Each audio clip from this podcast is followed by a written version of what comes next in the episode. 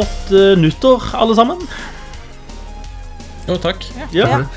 Det var dere jeg prata til, og våre oi, oi. kjære lyttere. Velkommen til Double Jumps eh, Game of the Year-sending dag én, eh, vel å merke. Eh, Det har blitt ring, ring. 2020, eh, men det skal vi ikke bruke så mye tid på, for nå skal vi prate mest om året som har gått. Vi skal se tilbake på masse dataspill eh, og litt andre ting. I dag én eh, så pleier vi å kåre en håndfull utvalgte kategorier med ting som vi har lyst til å kåre. Eh, På dag to så kårer vi selve Game of the Year, der vi prater oss gjennom alt av gode og et par ikke fullt så gode spill, eh, som vi da ender opp med å rangere i en topp ti-liste.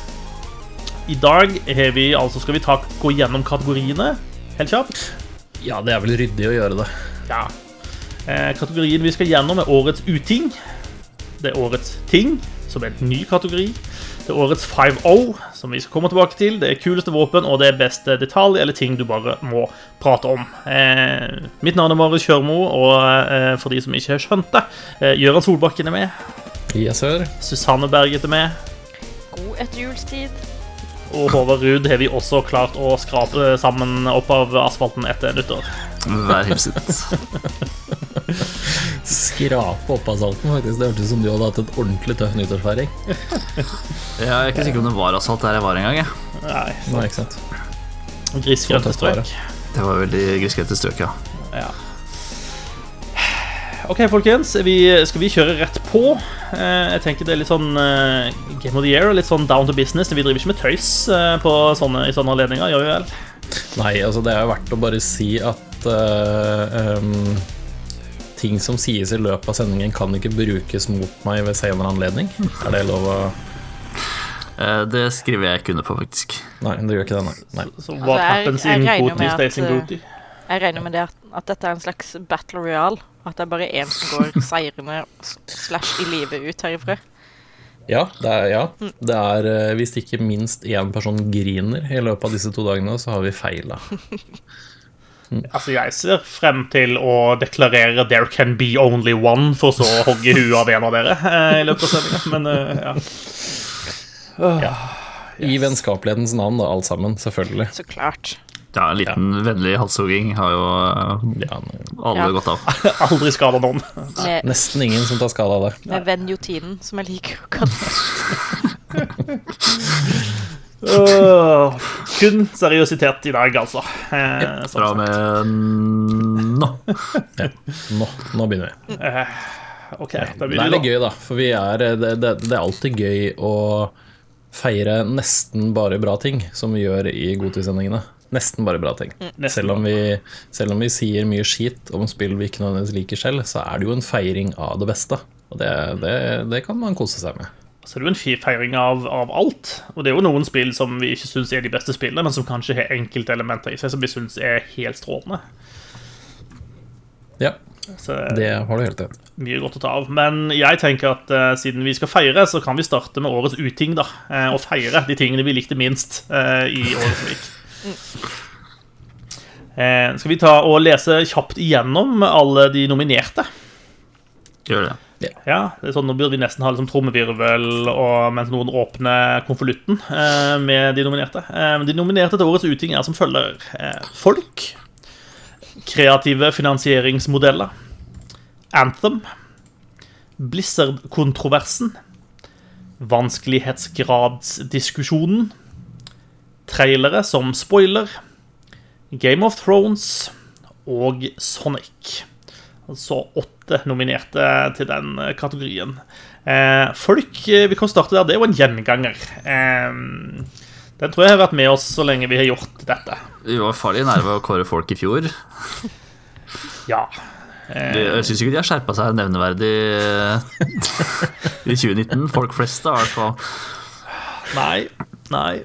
Det er, det er fortsatt Det er fortsatt potensial til forbedring. Mye. Mye. Ja, det er eh, Når man lever i en bransje som foregår mye over nett, så ser man jo veldig mye folk.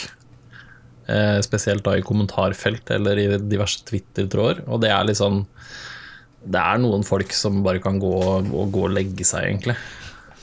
Burde ta seg en bolle, rett og slett. Uten rosiner. Ja, eller Nei, de kan få med med, faktisk. de. Altså, folk flest de kan ta seg en rosinbolle. Ja, Sukatbolle. de kan det. Åh. Jeg syns denne, på denne podkasten er i ferd med å skeine ut i helt andre ting. Eh, Jeg vil nevne at rosinbolle er ikke nominert til årets uting. Nei, men du sa ting som, kom, som var aktuelle i år, og det er aktuelt hvert år. Fordi så det sånn vinner by default. Hvis ikke så hadde vi også nominert lakris, liksom. I Ja, alle dager. Nå- Skal vi gå tilbake til å snakke om folk, kanskje? Eh, Men det er jo folk som lager alle disse fæle tingene. Ja, så det er jo folk som lager det. Strengt tatt så er det jo relevant. ja. Nei, men litt, Nei. litt av grunnen da til at eh, folk kommer opp hvert år, er jo fordi at eh, veldig mange mennesker spiller dataspill, er opptatt av dataspill, er interessert i dataspill. Eh, og en del av disse menneskene har et sterkt behov for å ytre sine meninger, eh, noe de absolutt aldri burde gjort. Fordi de er terrible people with terrible opinions. Ja. Eh, og det inkluderer folk som sender dødstrusler til eh, spillutviklere fordi spillet ikke har nok vannputter, eller eh, eh, spillet har en, kvinnelig protagonist, eller whatever. Sånne ting.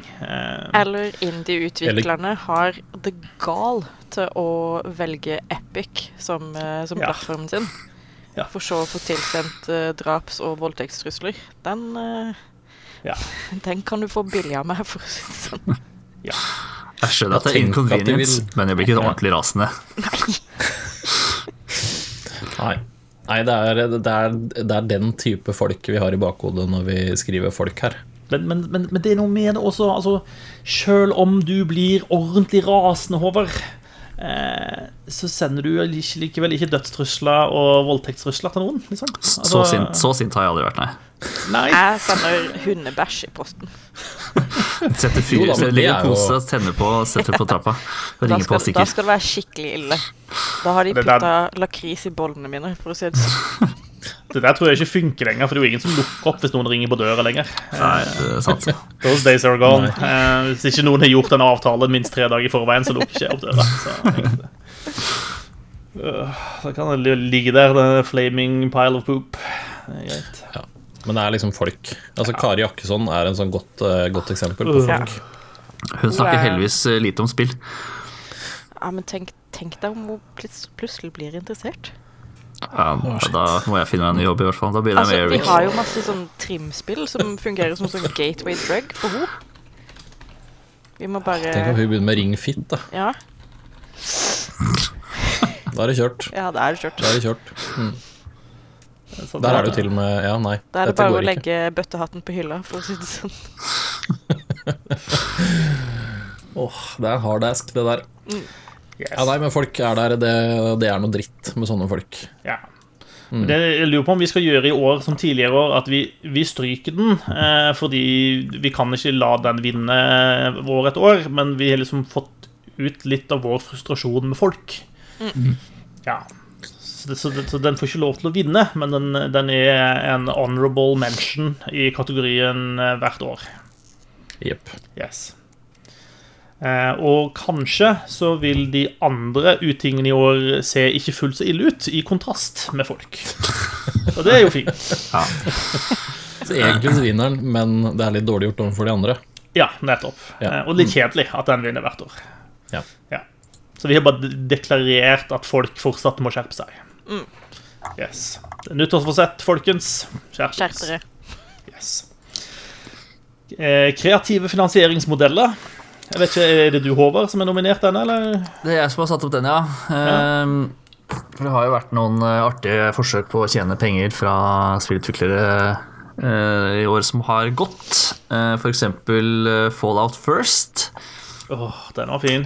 Hvor eh, Der var det vel snakk om hvis du kjøper tolv måneders medlemskap, da, så koster jo det koster jo ikke det mer enn 1150 kroner, som er helt eh, Helt, en helt vanlig, fornuftig pris å bruke på et, uh... På et spill som kosta 600 kroner til å begynne med. Ja, mm. ikke sant. Eh, og jeg syns liksom det du betaler 1150 kroner for, da, er liksom ikke verdt det. Du kan sette opp en, en sånn privat server, og det syns jeg det burde jo være en mulighet uh, i, i grunnpakka.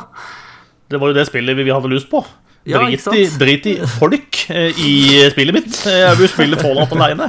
Ja. Ja. Eller i verste fall sammen med og det noen må jeg jeg abonnere for eh, å gjøre. Ja. Ja.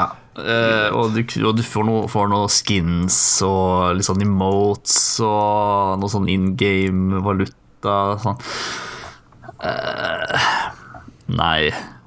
Det, Nei. det er sånn hvis, du- hvis du skal tilby meg noe jeg skal kjøpe, noe som jeg skal bruke mine hardt opptjente penger på, så må dere tilby meg noe eh, ordentlig verdi tilbake. Altså, det må være verdt det. da Det ser jeg ikke at det er her, sjøl om jeg hadde vært en hardcore uh, fallout uh, Hva heter det spillet?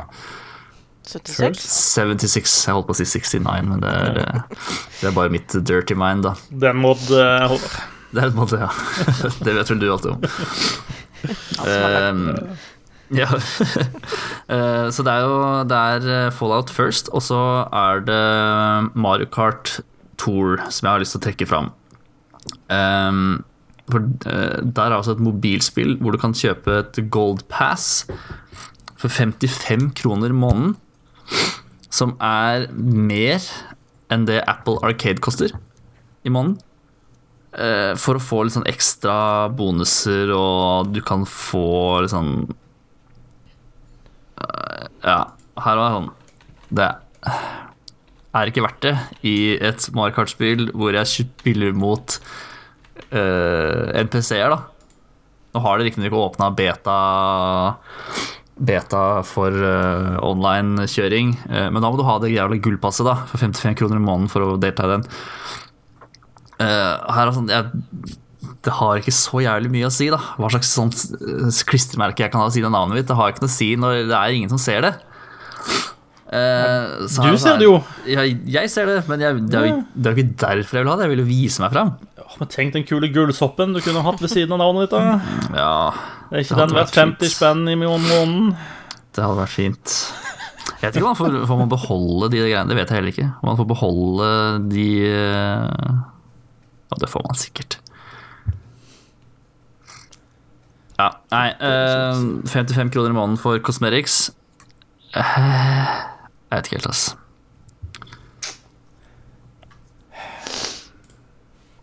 Nei. Nei. Nei. Og mobilspill har jo vært litt sånn eh, Har alltid blitt sett på sånn, sånn pay to win eh, og sånn, men nå er det, nå vinner du ikke engang ved å betale. Nå er det jo bare Jeg vet ikke hva man betaler for engang.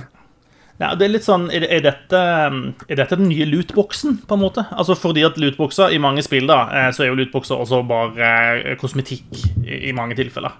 Eh, og så har det fått et dårlig rykte. Men hvis du istedenfor abonnerer på en kosmetikktjeneste, så vet du jo fortsatt ikke hva som kommer, hva du får neste måned. Nei da, det er ikke noe mye bedre, vil jeg si. Det er egentlig det samme, bare at det er en stødig inntekt eh, for utvikleren. Ja. Og det er bra for utvikleren og sånne små, små utviklere som Betesta og Nintendo. Og Nintendo, ja, they need, they need your cash. Litt av lønningsposen din hver måned. Rett til de. Ja. Ja. Nei, Nei. eh, kan vi ikke bare gå tilbake og finansiere spill sånn som vi kjøper spill sånn som vi gjorde før? Eventuelt så er streaming, da. Streaming av spill eh, driver jo vokser opp og ser, eh, begynner å se bra ut. Eh, og det syns jeg er helt greit. Det er jo en kjempe sånn Spotify-modellen, som man kaller det, for spill. Yeah. Men altså, i, i Fallout 76-tilfellet, de som kjøper Fallout først, de blir jo en del av overklassen eh, og få lov til å delta i en slags sånn klassekrig mot de Mm. andre som ikke har Fallout først.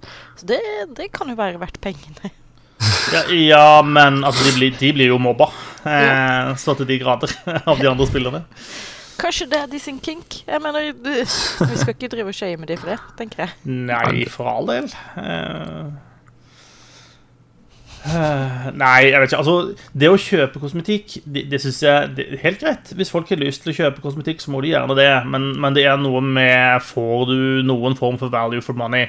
Eh, og det kan tidvis føles veldig outrageous.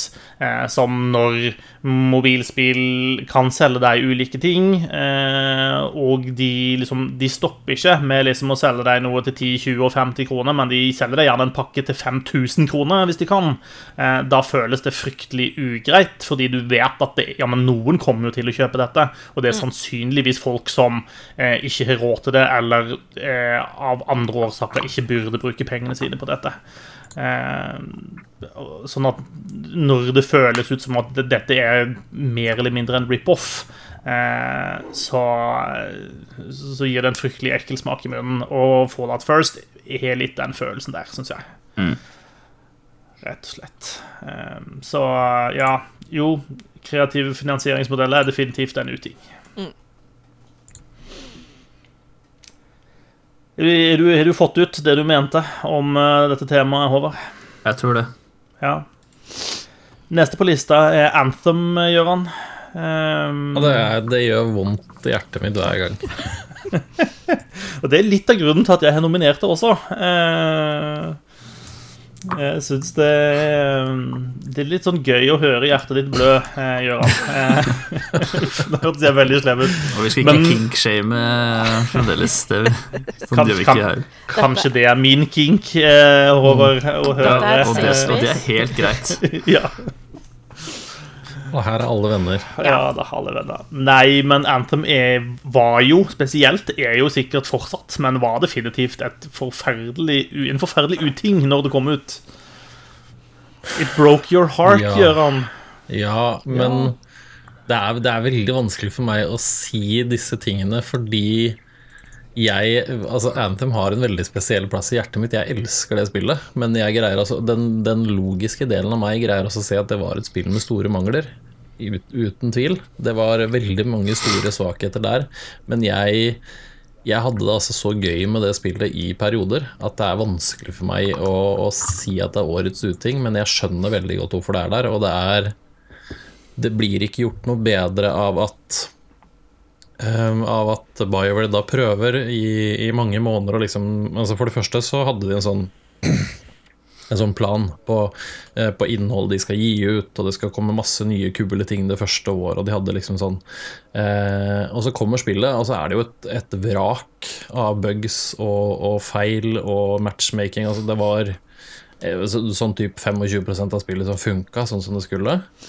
Eh, og så prøver de å patche det etter mye om og men, så prøver de å patche ting, og så blir det verre. Og så prøver de å patche patchen, og så blir det enda verre. Og så sier de shit, folkens, her var det noe gærent. Vi må bare utsette alt på ubestemt tid. Og så skjer ingenting av det de planla i det hele tatt. Eh, mens de fortsatt prøver å fikse systemer med nye systemer som gjør at de gamle systemene krasjer helt igjen. Så det, bare, det, har jo vært et sånt vrak av, eh, av, spill og spillutvikling og patching, og de, de, har jo ikke Det virker som om de overhodet ikke hadde kontroll på det produktet de ga ut, da. Um, og det, det, har man jo fått sett altså, sånn med den, eh, den artikkelen til Jason Schreier som fortalte om hvordan utviklingen av det spillet her har foregått, så skjønner man jo problemene de har hatt. Ja, og så er det jo ikke bare altså jeg synes ikke, Det var ikke bare liksom det at det, de tekniske elementene ikke fungerte eh, ved launch, men altså spillet i seg sjøl syns i hvert fall jeg også er et makkverk. Det er ikke interessante karakterer i spillet, i hvert fall ikke som er flasht ut på noen som helst måte, rewarding måte. Eh, det er ikke egentlig noe særlig interessant law for denne verdenen som kunne hatt potensial, men som du egentlig ikke ja, Det er ingen grunn til å utforske. Eh, oppdragsdesignet er stort sett skikkelig, skikkelig ræva. Det eneste som er kult med det spillet, er jo å hoppe rundt i Mex og skyte ting. Ja, og det er den Men det kan du jo gjøre eh, i, i Titanfall i stedet. For eksempel. Ja, nei. Nei, du kan ikke det. Ikke på samme måte.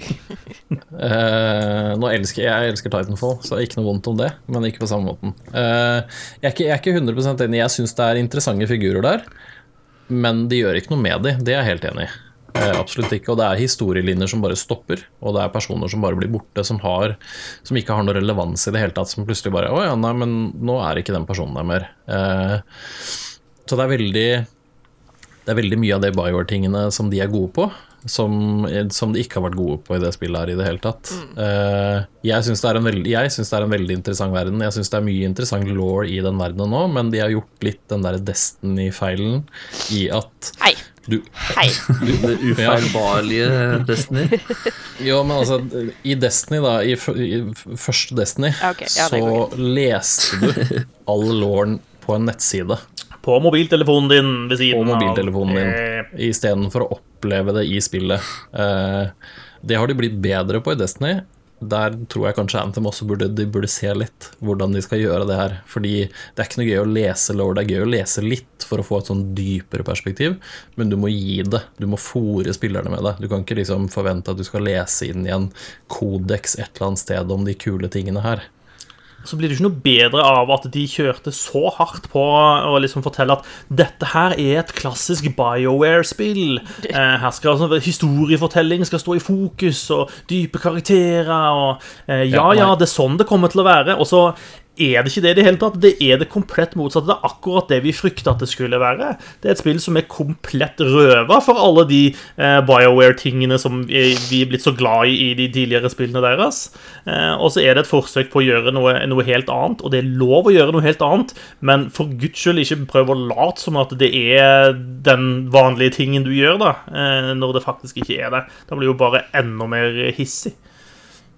Ja, det er jo, det er en klassisk over, overselging her av, av, spillet sitt. Det er, ikke noe, det er ikke noe tvil om det. Jeg føler litt at Anthem blir på en måte eh, litt sånn som Nucleus i Silicon Valley, hvis det er noen av dere som har sett den serien. Mm, kjempeserie. Yes. Eh, hvor du har Hooley med Gavin Belson i front, som skal lage en sånn kjempeplattform, og så blir det bare bæsj det er liksom kjempepotensialet. De, liksom, de har et bra grunnlag, og så bare går det så jævlig dårlig. Mm.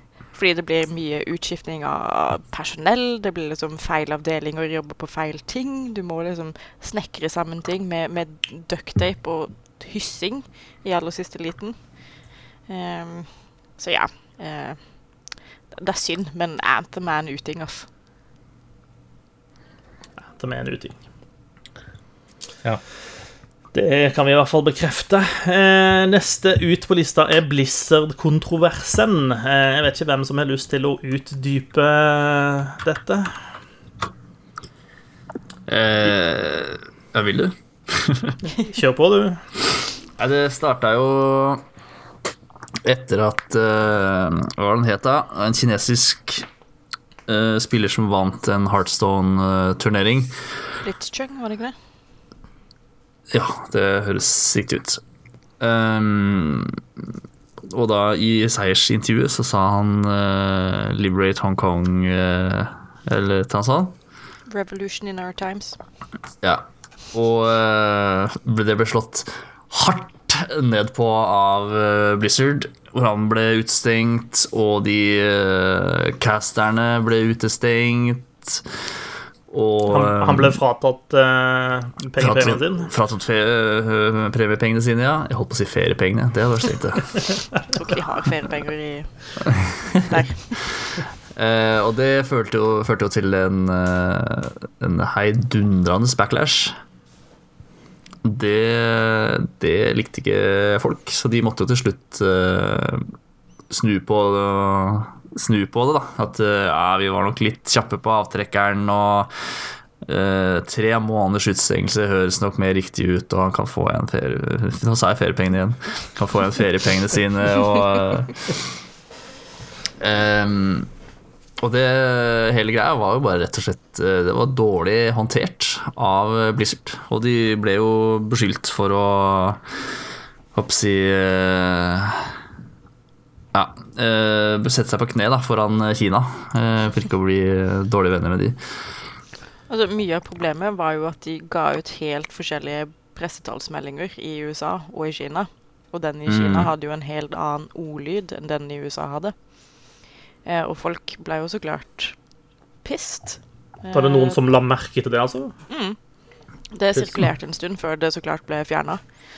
Um, men det er jo, folk ble jo så klart pissed, fordi Blizzard har alltid vært en sånn forkjemper for uh, frihet, og man skal få lov å si det man vil, og tjo hei og trygghet og tralala. Så det var jo mange i Blizzard som streika, og som slutta, og jeg mener demokrater og republikanere gikk sammen om å skrive et brev til Blizzard om hvor mye de hadde fucka opp, liksom. Da vet du at du sitter dypt i det. Men Blizzard har jo that Blizzard money, så de teppebomba jo internettet holdt jeg på å si, etterpå for å game nyhetssyklusen, på en måte. Med liksom nyheter om Overwatch 2 og om Diablo 4 og tjo og hei. Um, Nei, det var jo ikke Det var jo De hadde jo uh, BlizzCon rett etterpå, mm. så det er, det er jo ikke så rart. Men uh, at de nyhetene kom Jeg tror det er ganske så planlagt av godeste Blizzard-gjengen.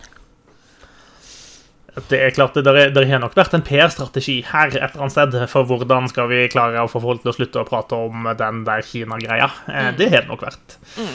Eh, men eh, Og at de har nok Det kan godt være de har brukt ekstra markedsføringspenger og sånt, men jeg tror ikke at de annonserte Overwatch 2 bare fordi den Kina-greia. Det tror jeg ikke. Det ble helt stille. Da regner jeg med at alle er enige med så det er greit.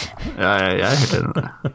ja. ja. men så var jo altså litt, av, litt av problemet, en del av det, nå har vi sagt mye av det, men det var jo eh, Det er ikke det at Blizzard ikke har altså, vært tydelig på at de vil ikke ha sånne politiske ting i, i e-sportverdenen sin, men det var måten de slo ned på, og hvor fort de gjorde det med en gang det var snakk om liksom, Hongkong og Kina. Mm og, og, og tyngden av det sammenligna med andre utestengelser eller advarsler eller noe sånt, da, som var ekstrem. Um, så det var liksom hele, hele måten det blei håndtert på, var jo helt off. Mm. Det var jo Og det er jo ikke noe um, Jeg tror ikke det er spekulering å si at de var redd for Kina-pengene sine. Det er liksom mer eller mindre en fakta. At var, yeah. de var redd for det, så de, de slo ned på den måten de gjorde, så fort og så, så hardt.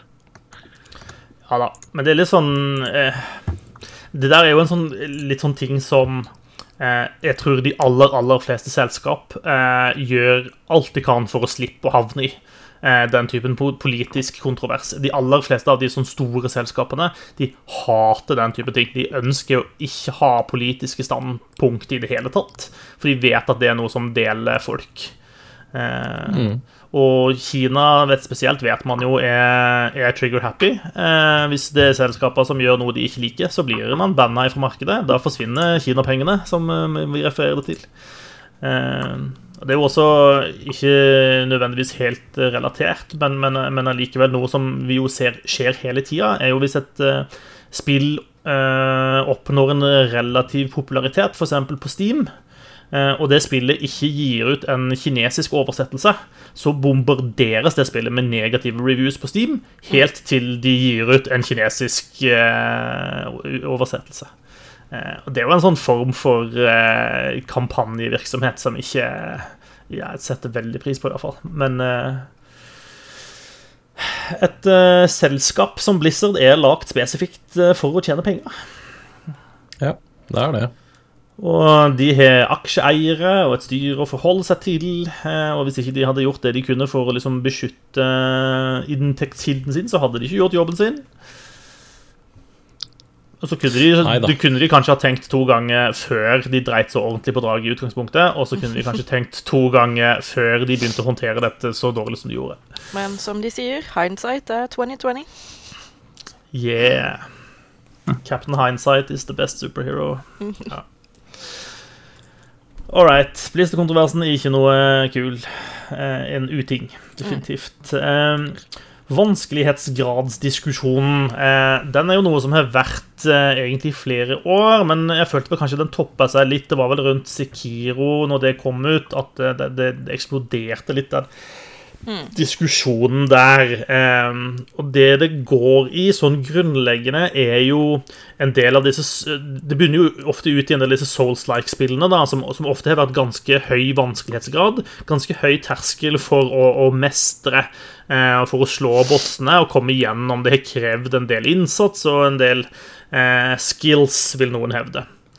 Um, og det er noen som, som, mener at man på en måte det, det, å klare å mestre et sånt type spill er noe man er nødt til å tjene, uh, eller fortjene. Uh, noe man liksom må jobbe for, og liksom uh, for at man skal, skal kunne få, få, lov til å oppnå den gleden det er da å, å runde det spillet eller slå den bossen. Um, og noen føler nok kanskje at man på en måte da blir man del av en eller annen sånn indre sirkel med kule folk eh, som, som da har klart, eh, klart denne bragden. Um, og så er det jo noen spillutviklere blant annet som har ment at dette er egentlig ikke så kult. Eh, eller det vil si at eh, selvfølgelig kan man ha høye vanskelighetsgrader på spill, eh, men man kan også gi alternativer, sånn at de som ikke ønsker å bruke like mye tid på det, eller ikke er så flinke, eller i enkelte tilfeller kanskje ikke har Eh, evnene til eh, å klare å mestre en så høy vanskelighetsgrad, likevel skal kunne få ta del i spillet og kunne spille gjennom det og, eh, og ha det kjekt med spillet likevel. Og det er det jo da noen folk som syns er veldig ugreit. Noen mener da at liksom get good, eller så kan du bare drite i å spille spillet som jeg er flink i. Eh, nå, nå, nå, setter jeg ja, nå setter jeg jo diskusjonen litt sånn Jeg vinkler den kanskje litt, så du skjønner kanskje hvor jeg mitt standpunkt er i den diskusjonen. da, Kanskje. Men det, er liksom, det at noen spiller spillet på en lett vanskelighetsgrad, tar jo ikke noe bort for at du greier å fullføre det på, på en, den vanskeligste vanskelighetsgraden. Jeg skjønner Nei. liksom ikke helt logikken der. Det er ingen logikk, og det er derfor du ikke skjønner det. Nei, og det er, nei, det, er det som er, og, og, motargumentet da, når man sier det, er at nei, men det var ikke sånn utviklerne lagde det. Fuck off. Ja, det er akkurat det. Men, men, det, det også er på en måte greit. Altså, man kan, man kan godt ha en default vanskelighetsgrad på spillet, som spillet er designa for, som er veldig høy og så allikevel tilby en annen mulighet. Mm. En lettere vanskelighetsgrad eller en story mode eller whatever det er for tilpasninger man skal kunne gjøre. Eh, jeg har aldri forstått den, den greia der. Hvorfor ikke la eh, spillere få lov til å spille spillet på sin måte? Mm. Um, Nei, det er, helt, det er, helt, idiotisk. Og det er Ja, det er kanskje litt skummelt å si det så bastant, men det er helt idiotisk at noen mener at det er kun én riktig vanskelighetsgrad, og hvis du ikke greier det på den, så, så tar du feil. Da, da, er du ikke god nok til å oppleve det spillet. Og det er litt sånn så lenge det her ikke er et online et eller annet type spill som gjør at noen får fordeler ved å ha en lettere vanskelighetsgrad, så er det det riv ruskende akkurat det samme. Mm. Om noen spiller det på en så mye lettere vanskelighetsgrad enn det du gjør selv i din egen stue. Ja, og, og, og for all del, altså et spill kan gjerne ha en eh, achievement som bare låses opp dersom du klarer å spille gjennom det på den høyeste vanskelighetsgraden. Mm. Helt greit. Det, og hvis det på en måte er målet, greit, da har, du, da har, du, gjort det. Du har klart det, du har fått beviset ditt på at du er eh, the cool gamer bro eh, som har klart dette her. Eh, og de, vi andre, vi som liker å spille det gjennom på Easy, da kan vi gjøre det, da. Og Så får ikke vi den achievementen, men vi har kanskje hatt det kjekt likevel. Det virker jo eh, også som de helt ignorerer det faktum at det finnes en god del spillere der ute som har uh, fysiske handikap. Mm. Som må ha liksom spesialiserte kontrollere og kanskje ikke ser like godt og sånne ting. Og det er sånn Det å tilpasse spillene sånn at de også kan ha glede og, og nytte av det, det er jo ikke en uting. Det er jo en kjempefin ting. Det er jo det. Er jo det. Men, men mm. og, og, her kommer vi jo på en måte inn i det mest grumsete delen av den diskusjonen. Eh, for da kommer motargumentet at eh, ja, men eh, du Susanne, du bare skyver disse handikappa menneskene foran deg fordi at du er en lat og dårlig gamer. Eh, ja, ja, dette, dette, er, dette er pure virtue signaling. Eh, helt klart. Mm. jeg er egentlig ikke for uh, inkludering og det å gjøre spill tilgjengelig i det hele tatt. Det er bare jeg som er dårlig til å spille. yep. Fy faen. Folk, ass. En uting. Ja, det er folk. Ja. Da kommer vi tilbake til den igjen. Ja. Ja. Men jo da, den er helt, den er helt idiotisk. Det, er ikke noe, det, er, det finnes ingen gode grunner til at et spill ikke skal tilbys. Og der er altså Star Wars, Det nye Star Wars Jedi Boy-spillet er jo en perfekt eksempel på hvordan man kan vise hva som skjer hvis du tar en lettere vanskelighetsgrad, og, liksom, å gi, tilby det at vær så god, du kan spille det på den letteste måten. Da får du så og så mye mer parry-vindu, og de gjør så og så mye mindre skade. Du får det veldig visuelt fremstilt, og det har ingenting å si. Det bryr meg midt i ryggen om noen spiller det på letteste vanskeligheten og jeg spiller på den vanskeligste. Det er, det er jo helt fint. Ja. Jeg syns du har spilt sånn som uh, Pillars of Eternity og Pathfinder Kingmaker er kanskje liksom den ekstreme delen av å gjøre ting tilgjengelig. Altså Der har du eh, Altså du har så mye altså Du har kanskje 50-60 ulike vanskelighetsgradsparametere som du kan stille og justere nøyaktig som du har lyst, for å designe akkurat den opplevelsen du har lyst til. Så spillutviklerne har bare sagt her er alle tingene som kan gjøre ting litt lettere eller litt vanskeligere eller whatever. Gjør akkurat som du vil. Spille gjennom spillet sånn som du har lyst. Fantastisk. Ja, jeg syns det er helt awesome. jeg. Når jorda går under, og det blir sånn Mad Max-lignende tilstander, så ser jeg for meg at folk kommer til å danne faksjoner ut ifra hvilken vanskelighetsgrad de har greid å fullføre et spill på. Det blir jævla mange Pillars of Eternity-faksjoner, for å si det sånn. Oh, yeah. Uh, den er grei. Uh, vanskelighetsgradsdiskusjonen definitivt en uting. Trailere som spoilere, Fuck dem. eller som spoiler. Ja, det er jo ikke noe kult. Uting. Men jeg, men jeg må innrømme en ting at jeg, jeg har ofte sett en trailer og så tenkt Oi, det var da Det var da Var ikke det å spoile? Og så har jeg helt glemt den tingen igjen når jeg faktisk ser filmen eller spiller spillet. Og så blir jeg like overraska likevel. Eh, da vet jeg at jeg har hukommelse som en gul fisk, eh, men eh, ja Jeg vet Ja, ikke nei, om jeg, om jeg opplever det som et så stort problem, egentlig. Jeg, nei, altså det er litt sånn um, Ja. Det er uh, Altså, det eksempelet som jeg kom på nå, da, det var at uh, jeg var på kino nå for en ukes tid siden og så på Star Wars. Og da Da kom det en trailer for den nevnte Jedi Boy-spillet. Uh, og der viser de Nå kommer jeg til å spoile det. Der viser de at eh, Darth Vader er med i det spillet. Men hvis du da har spilt gjennom spillet uten å se denne traileren, så kom, når han kommer, så er det en sånn holy shit. Det er en ganske kul med, liksom? reveal, ja. Det er det. Det er en veldig kul reveal, og den Jeg, jeg veit ikke, det kan hende jeg er litt dum, men jeg har ikke catcha den før han faktisk kom, at han skulle komme. Det var en veldig kul reveal når han først kom, da, i hvert fall. Eh, men hvis du har sett den traileren, så, så dreper de jo hele det øyeblikket med at du faktisk vet at han er Altså ikke at den kommer akkurat da, det skjønner jeg jo, men at du, du vet jo at han er en del av det. Ja. Jeg er litt sånn Ikke så veldig stor fan av trailere generelt, fordi jeg syns alle viser for mye. Jeg vil ha liksom Teasere er det beste. Gi meg liksom 20 sekunder med litt eh, bilder og litt eh, fet musikk, og så har du Så har du meg på kroken, på en måte. Men med en trailer, så Da blir det så lett å Det er lett å ta, inkludere for mye, da. Hmm? Det er lett for utviklerne å inkludere for mye. Ja, og så blir det så lett å liksom eh, knytte sammen de forskjellige punktene, da. Og så danne seg et ganske helhetlig bilde av hva filmen kommer til å handle om. Og, eller filmen eller spillet, da. Og hva eh, potensielle twister kan være. Ja, men samtidig så er det altså dataspill spesielt da, er jo altså Ulike dataspill er jo to, er jo, kan jo være veldig ulike beist å håndtere. Eh, og det å skulle lage liksom spennende trailere til eh, et strategispill, eller til liksom et eh, ovenfra og ned-rollespill, eller noe sånt, for eksempel, så kan det ofte være vanskelig å liksom selge det inn som «Jø, dette er det beste spillet neste år, du er nødt til å kjøpe det. Eh, på samme måte som du kan med et kult og flashy actionbasert Star Wars-spill. Eh, så, jeg, kan på en måte skjønne at man av og til må strekke seg litt for å gjøre folk interessert i det.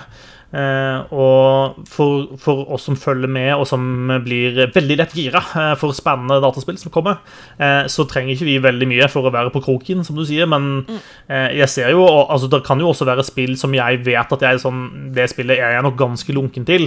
La oss si det neste Call of Duty-spillet, da, for eksempel, som, som, jeg vet at I'm not gonna play that. og hvis jeg skal spille det, så må de i hvert fall servere noe helt vanvittig awesomeness for å få meg interessert. da og da, da, må traileren som vises på E3 sammen med de 912 andre trailerne som vises på E3, skille seg litt ut. da ja. mm. Så jeg, jeg, forstår hvorfor det skjer, eh, og jeg forstår også at det nok kan være en vanskelig balansegang for de som lager trailerne, om ok, hvor mye skal vi vise uten å vise for mye. Eh, men jeg er samtidig enig i at det går et grense et sted for hva man skal vise, og hva man bør spare til liksom, opplevelsen det er å spille gjennom spillet. da. Spill som jeg vet at det spillet har skikkelig lyst til å spille, det, det bare ser jeg ikke trailere til. Nei, det, det, er, det er nettopp det. da Man mm. styrer unna trailere fordi man er redd for at, at man ser for mye, liksom. Det er jo helt, mm. det er jo helt meningsløst. Det er litt ja. dumt. Mm. Ja. Men ja. Det var egentlig det. Ja. Uting å bli spoila for ting, uavhengig, egentlig. Ja. Eh, Game of Thrones Vi fikk jo en, eh, en avslutning på Game of Thrones i 2019. Den eh, var ikke bare populær. Skal vi bare si Vi sa ikke det innledningsvis, men, vi kan si det anyway. Altså, Game of the Year-sendingene De er fulle av spoilers for alt vi prater om. Så ja. bare vær forberedt på det. Her er det spoilers overalt. Eh, og er det et spill eh, eller en TV-serie eller whatever du har lyst til å se og ikke bli spoila av, som, så, så, må du sitte liksom klar med mute-knappen, fordi plutselig så begynner vi å prate om det, og da, da kan spoileren være rett rundt hjørnet. Så bare vær forberedt på det, og da får du skippe eller eh, hva du vil. Ja. Game of Thrones. Yes. Vi fikk en avslutning. Uh var den litt uh, rushed og kanskje ikke så bra produsert som den burde vært? Ja. Ja. ja. Det er ganske enkelt svar på det, ja. Yes. Ass. Men, man kan jo selvfølgelig spørre seg da, altså, hva, hvordan får man til en payoff på altså Når du på en måte har sittet og runka i åtte år, eller hvor søren lang tid det har tatt, hva skal, liksom, hva skal da til for at du blir fornøyd når klimakset endelig kommer? Eh, Game of Thrones klarte det i hvert fall ikke. Det kan vi nok være enige om. Nei, altså de kollapsa litt under sin egen mytologi, rett og slett. Eh, for det er jo masse profetier og masse hint og, og, masse styr, i hvert fall i, i, bøkene, men som de også har inkorporert i, i, i serien eh, fram til sesong åtte, som på en måte aldri fikk noe payoff. Det var masse løse tråder. Eh, og det var bare altfor, altfor uh, rush, da. Spesielt uh, hele arken til, til Deneris, som kunne ja. trengt en episode to eller til før hun bare ble helt, uh, helt Targaryen, for å si det sånn. Ja, og det var mange sånne arker som føltes som de hadde et sånn uoppløst potens potensial, da. Mm. altså, en av de få Arya, som er kanskje den kuleste karakteren i episode tre. Den uh, Night Battle uh, Er det noe der? Er det en hest? Er det en drage? Hvem er det vi slåss mot? Uh, ja, forsvinner jo helt i de neste episodene. Hun gjør jo ikke en dritt. Hun finner Nei. en hest og noe faenskap og får noen folk drept, og så glemmer du helt at hun har masse kule abilities, fordi de blir ikke nevnt igjen. Nei, og det, det, det, Der føltes det nesten som det var sånn matematisk utregning. Det var sånn der, Nå har vi fullført story-arken hennes. Da, mm. da, skriver vi hun ut av serien, liksom. Eh, og der, der altså, Aria syns jeg er den gjennomført kuleste karakteren gjennom hele Game of Thrones-greiene, men eh, så er det noe med plutselig sånn der Å, nå nærmer det seg slutten på hennes ark. Nå Sexscene, kom igjen, nå må vi ha det. Nå er hun skuespilleren gammel nok og vel så det, så nå er det bare å kjøre på, liksom. Altså, ja det var en annen ting, men ja. Nei, det var mye der. Og så var det den der eh, på en måte hele konklusjonen også, som er litt sånn eh. sånn, Jeg er ikke outraged på noen måte over konklusjonen i Game of Thrones, men eh, jeg, er ikke, jeg er ikke tilfredsstilt. We are not amused. Nei, men det skal jo Det, spørs jo om vi, om vi hadde blitt eh, tilfredsstilt med, med noe som helst, egentlig. Eh, jeg tror de var malt inn i et hjørne fra the get-go. For det første så hadde de ikke noe særlig erfaring med å lage TV-serier. Eh, og for det andre så jobba de med en veldig, veldig vanskelig forfatter. Eh, som lovte at han skulle være ferdig med siste bok innen de nærma seg de to siste sesongene, liksom. Og her sitter vi da med, med liksom skjegget i postkassa og venter på en bok som faen meg aldri kommer til å komme. Ehm, så det var mye som som talte imot dem, på en måte. De hadde virkelig ikke oddsen i sin favør. Eh, hadde jeg likevel håpet de skulle gjort en litt bedre jobb. Sure. Men eh, sånn er det. Gjort er gjort. Ja. Jeg kan ikke si Jeg syns Altså syns avslutninga var uh, grei. Uh, syns jeg var til å leve med. Men det var måten de kom seg dit på, som var uh, ikke tilfredsstillende. Det gikk altfor fort, og de uh, og det er jo også problemet med sånn George R. R. Martin skriver Det er jo at han Hans historie er veldig karakterdreven, og det var jo Game of Thrones TV-serien til å begynne med også. Så han satt Han har gitt ja, karakterene sin, hver sin personlighet og liksom sånn handlingsmønster og sånt. Så har, har han satt de i situasjoner, og så har de fått spille seg ut. Og det har ført til at uh, disse story arcsene har vært, er jo all over the place. Der de er nå i boka, og etter sesong seks uh, eller sånt, så er folk er over, overalt. Og så man, og det, tror jeg det er det George R. R. Martin sliter litt med også, er å sy dette sammen, slik at det kommer til en uh, en avslutning som inkluderer og involverer alle.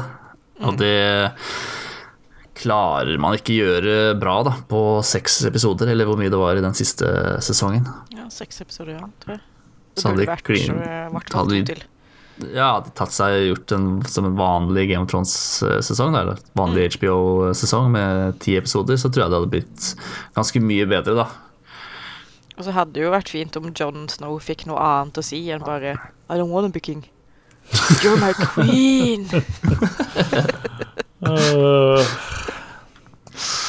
he's the hero we deserve, not the hero we want. Nå er jo nå godt til Han har blitt uh, King Beyond the Wall, da. Så det går det sikkert bra. Hurra. Hurra. Yeah, Game of Thrones uh, eh, falt litt flatt. Siste nominerte til årets uting, Sonic the Hedgehog. Altså, Vi har jo pratet om Sonic eh, gjentatte ganger gjennom denne podkasten. Eh, så var det det der med at hvis man ikke har noe pent å si, så skal man tie stille. Eh, men vi har vel ikke hatt mye pent å si de gangene vi prater om Sonic. Eh, Nei, skyldig. Ehm, og det, er det, det har ikke vært noe pent å si i 2019 heller. Eh, noe av det som skjedde i 2019, da, var jo at vi, vi har fått sett en trailer, eh, eller to, av denne Sonic the Hedgehog-filmen.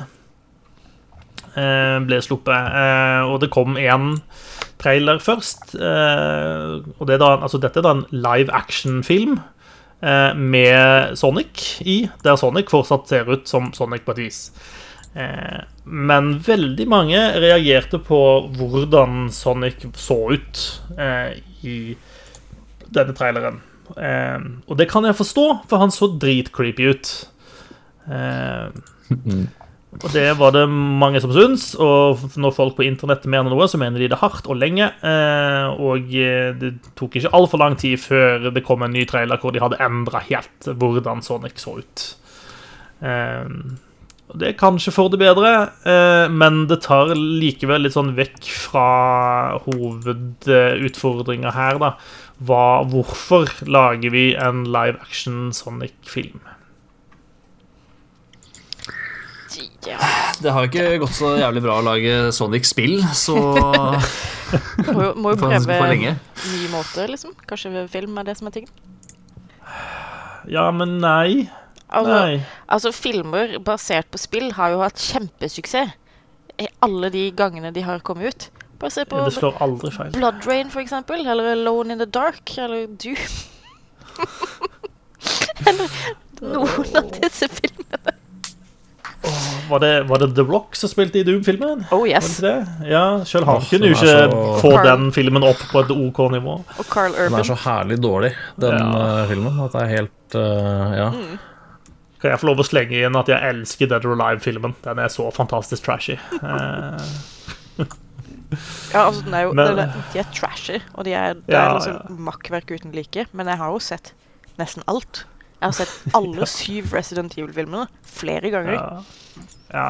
Men det er mest pga. Mila Jovovic. Eh, Jeg skal ikke lyve. Det, det, det, det er grunnen til at vi alle ser de filmene, Susanne. Det Ja. sånn er det. Men altså, vi har jo hatt litt flaks med, med filmer basert på spill i år, da, med Detective Pikachu, som var bare helt nydelig. Jeg føler er jo, jeg føler jo at de som- har tatt avgjørelser for Sonic-filmen, kanskje burde sett Detective Pikachu og tenkt ja, OK, cute eh, og fluffy er det folk vil ha, ikke grotesk menneske-pinnsvinhybrid.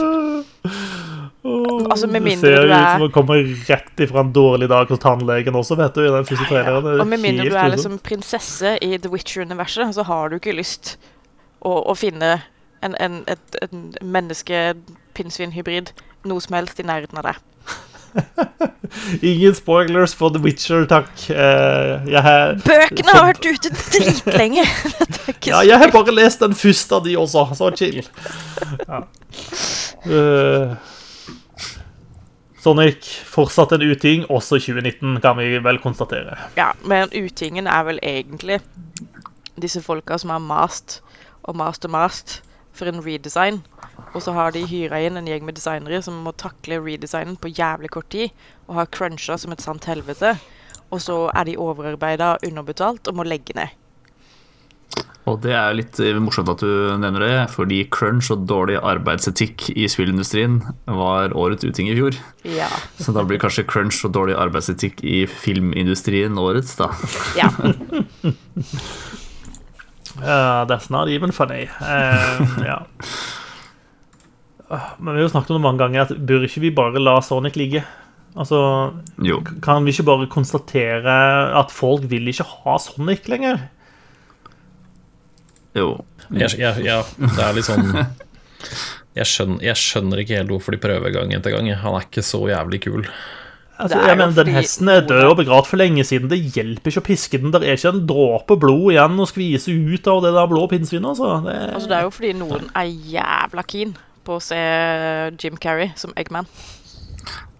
Og det tror jeg kan bli gøy. da. Jim Carrey er jo Ja, ja, jeg gleder meg litt til det, jeg må si det. Og alle bør dra og se den jævla filmen, nå som vi har fått vilja vår. Bare så det er sagt. Ja, ja, hvis du ikke går og ser den på kino nå, etter at du har drevet selskap ut av business, da, da kan du dra til Bloksberg. Da er du en utakknemlig drittunge. Ja, folk. Ja, da, er du, da er du per def folk. Ja, Ja, men, men da er dere en del av problemet. Hvis dere går og ser filmen, så legger dere penger i Sonic, og da kommer vi få til å få mer sånn crappy drit. For da sitter lisenseierne og tenker at jøss, folket har skikkelig lyst på mer Sonic, de. OK, det skal de få. Det folk vil ha mer Jim Carrey, det er det vi vil ha. Ja, men du kan jo lage Jim Carrey-filmer uten Sonic, da. Ja, ja, det, det, det er implisitt, det, da. Lage en ny Doom-film med Jim Carrey i hovedrollen. Det er helt greit. Den hadde jeg sett. Ja. The Rock og Jim Carrey dreper demoner. Det, that's the movie I want. Ja, det er en bra oppskrift for sånn buddycop. hører Uh, dere, hører dere det, Hollywood? Vi er tilgjengelige som manusforfattere. Yes. Uh, executive producers, uh, we are here. Å oh, nei, jeg vil jobbe i kostyme eller sminke, Fordi da kan jeg ta på folk. Jeg mener eh, Jeg vil skrive en manus. OK. Ja, tenker du på The Rock, eller tenker du på Jim Carrey nå? Ja. post at doublegejump.no er i hvert fall .com, jeg husker ikke lenger. Ja, men skal vi Vi har kommet gjennom lista vår for årets uting. Eh, skal vi prøve på en sånn der eh, plukke ut tre, som vi føler hører hjemme i, i liksom toppen her? Vanskelighetsgradsdiskusjonen var med. Ja. Den, eh, den bør være en av de. Ja. Jeg syns vel også Jeg syns eh, Blizzard bæsja så grundig på leggen og i skuffen at de fortjener en plass. Ja. Bæsj i skuffen. Det høres ut som en dårlig idé. Ja, da har jeg en historie jeg kan fortelle. lufta. Det må bli en annen podkast. Det blir en annen podcast. Det blir årets uting til neste år, kjenner jeg. Eh, ja, skal vi slenge inn Anthem da, som årets uting nummer tre? Det er ikke meg imot. ja vi må Vi må vel kanskje det. Det høres ut som det blir Anthem her, Gøran. Det er synd, altså. Det er trist. Det er trist. Det er veldig trist. Ja. Da har vi tre. Vanskelighetsgradsdiskusjonen, Blizzard-kontroversen og Anthem. Ja. Jeg tror den jeg vil si den vanskelighetsgradsgreia er, er den- kjipeste tingen i år. ass. ja, for den er så Ja, nei. Der, Folk er så der duste der. kom det verste i veldig mange fram. Ja, Ja. Jeg stemmer over for den. Da har jeg hørt ut som vi er rett og slett enige. Da fikk vi på en måte lurt litt folk inn i vinneren likevel, og det er jo fint. Fikk de som fortjent. Ikke Det er overraskende. Ja, men supert. Da, det brukte vi jo bare nesten en time på den første kategorien, så det var jo kjapt Da og greit. bare fire timer igjen, da. Ja, det kommer til å bli så helt seint. Eh, vi kjører, da kjører vi rett på på årets ting, da, for å liksom bygge opp Nå har vi hatt de kjipe tingene, så da kan vi prate om de litt ok tingene isteden. Um, skal vi si noe om hvor lenge vi har planlagt eh, og sånn tenkt på denne kategorien, Gøran? Ja, skal vi se. Um, vi, nå har vi, 370 dager omtrent. Ja, 370 dager. Vi har, um, vi har nå spilt inn i 57 minutter, så denne ideen er da ca. 59 minutter. Det er Ja, sånn røffelig. Sånn. Jeg vil påpeke at i en episode før jul så sa jeg at dette var nettopp det som kom til å skje hvis jeg skulle være med på noe Game, game of the Year-greier. Så Ja, slenger du det sammen eh, en time før sending. Ja. Det er perfekt, da. Supert. Det, that's how we Profetien roll. ble oppfylt. De nominerte til Årets ting Baby Yoda Norsk verdensmester i Fortnite The Dark Crystal Fleabag og Keanu Reeves. Det er de fem eh, tingene vi har nominert til Årets ting. Jeg tror det blir vanskelig å Ja. få vinner der. Altså. Det er et spekter her, føler jeg. Ja, det er sånn hvordan skal man finne fellesnevnerne her? Uh, Keanu Reeves er jo selvfølgelig med i alt. Ja. Ja, For han han er en sånn omnipotent et eller annet blitt, så han er jo Han har jo en finger med i alt som skjer, av gode ting. Ja, og den E3-greia hans i år var jo delicious. Den var så stilig og teit, og Keanu Reeves sitte, og perfect på alle måter. Han var rett og slett eh, breathtaking. Oh, Takk. yeah, det var den. Keanu Reeves er kul. Um, jeg syns det var veldig, veldig kult at det var en, eh, en nordmann som ble verdensmester i Fortnite, fordi det er eh, igjen, det er nok en av de største idrettene som er i verden om dagen, hvis man kan kalle det en idrett. Det kan man jo. Det kan man. Eh, og så er han 15 år i tillegg. Eh, så det var litt sånn Jeg tror han er blitt 16. Ja, han er blitt 16 nå, kanskje. Men det, det, var, bare, det var veldig kult. Altså, det, er, det er en ganske stor, stor greie, da. At han, eh, Emil Greier Bergekvist Pedersen, for å si Ja. navnet hans. Mm. han greier det han gjør eh, på et så ekstremt høyt nivå som det det der er. Det er, eh, det er ganske sjukt, faktisk. 15 år og like mange millioner i, på, på bok, det er ganske kult, altså. Ja, det er ganske kult.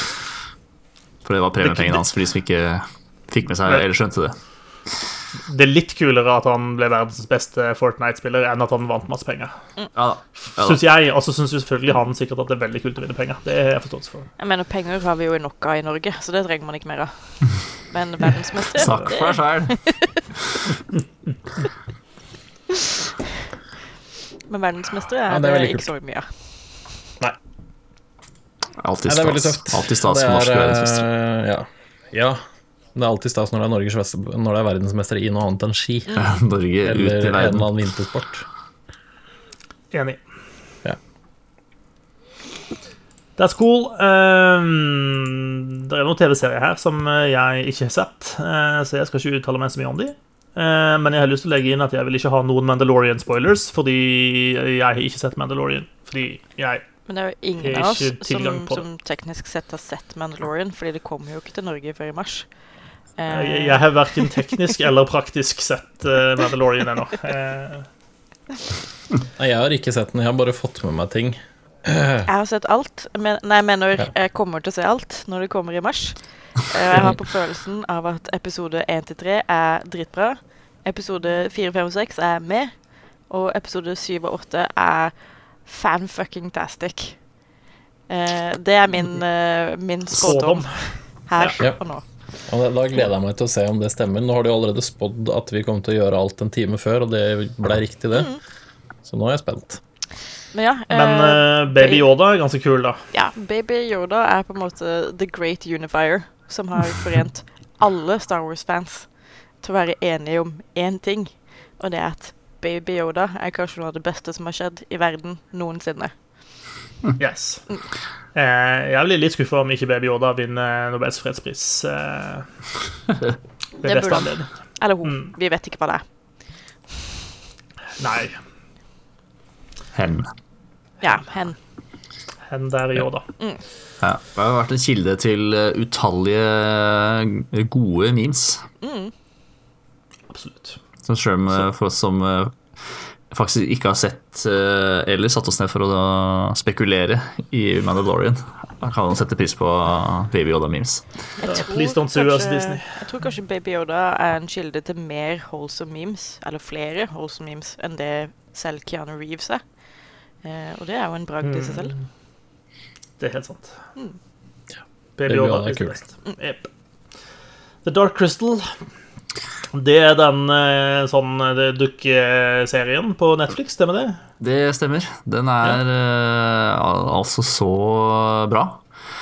Uh, moral og sånn er kanskje smørt litt tjukt på. Jeg tror det er basert på en ungdomsbok. Så det er veldig sånn er veldig godt mot vondt. Eh, I Men- motsetning til eh, sånne ting for voksne, sånn som Star Wars og sånt. Ja. uh, ja, nei, men Det er ikke sånn antihelter og sånn. Det er, eh, her er det, det er noen som er gode, og noen som er slemme. Og, um, uh, men det er bare så, Og det, det tar litt tid å venne seg til også at man ser på dokker. Um, men i motsetning til sånn, til sånn fraglene, da, hvor, det er hvor kameraet står på et sted, og så beveger dokkene seg inn og ut av kamerabildet, så er, bruker de sånn dynamisk kameraarbeid. Da. Så kameraet som flytter seg med dokkene, og det er mye sånn panoreringer og bra kameraarbeid som er sånn utypisk for dokkefilm. Da. Og den er, den er bare helt uh, enormt bra laga. Så hvis du ikke har sett den, så anbefaler jeg å se den. Cool. Den er veldig bra. Jeg er helt enig. Den er skikkelig, skikkelig kul. Det er veldig fascinerende å se at de har lagd en moderne serie med liksom uh, fysiske dokker på den måten, som løper sånn som dokkene gjorde i før, istedenfor å dataanimere det.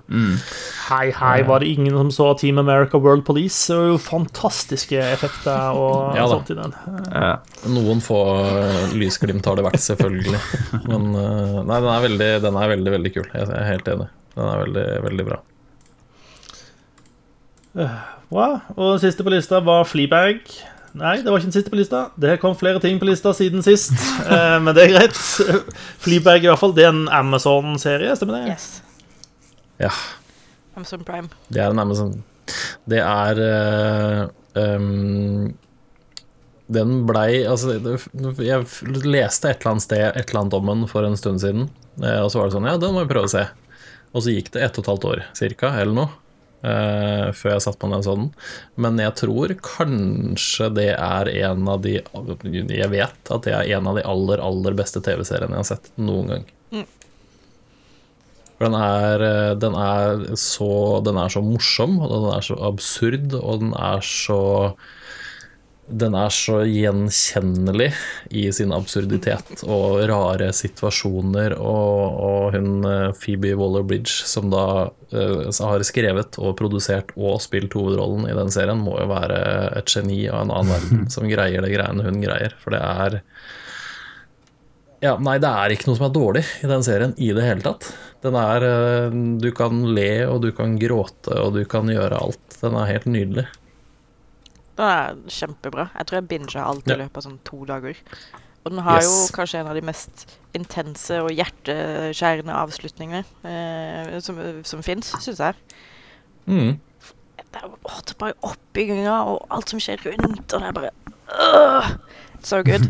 Eh, men det beste med, med serien er at det er en av eh, årets favorittserier til eh, tidligere president eh, Obama.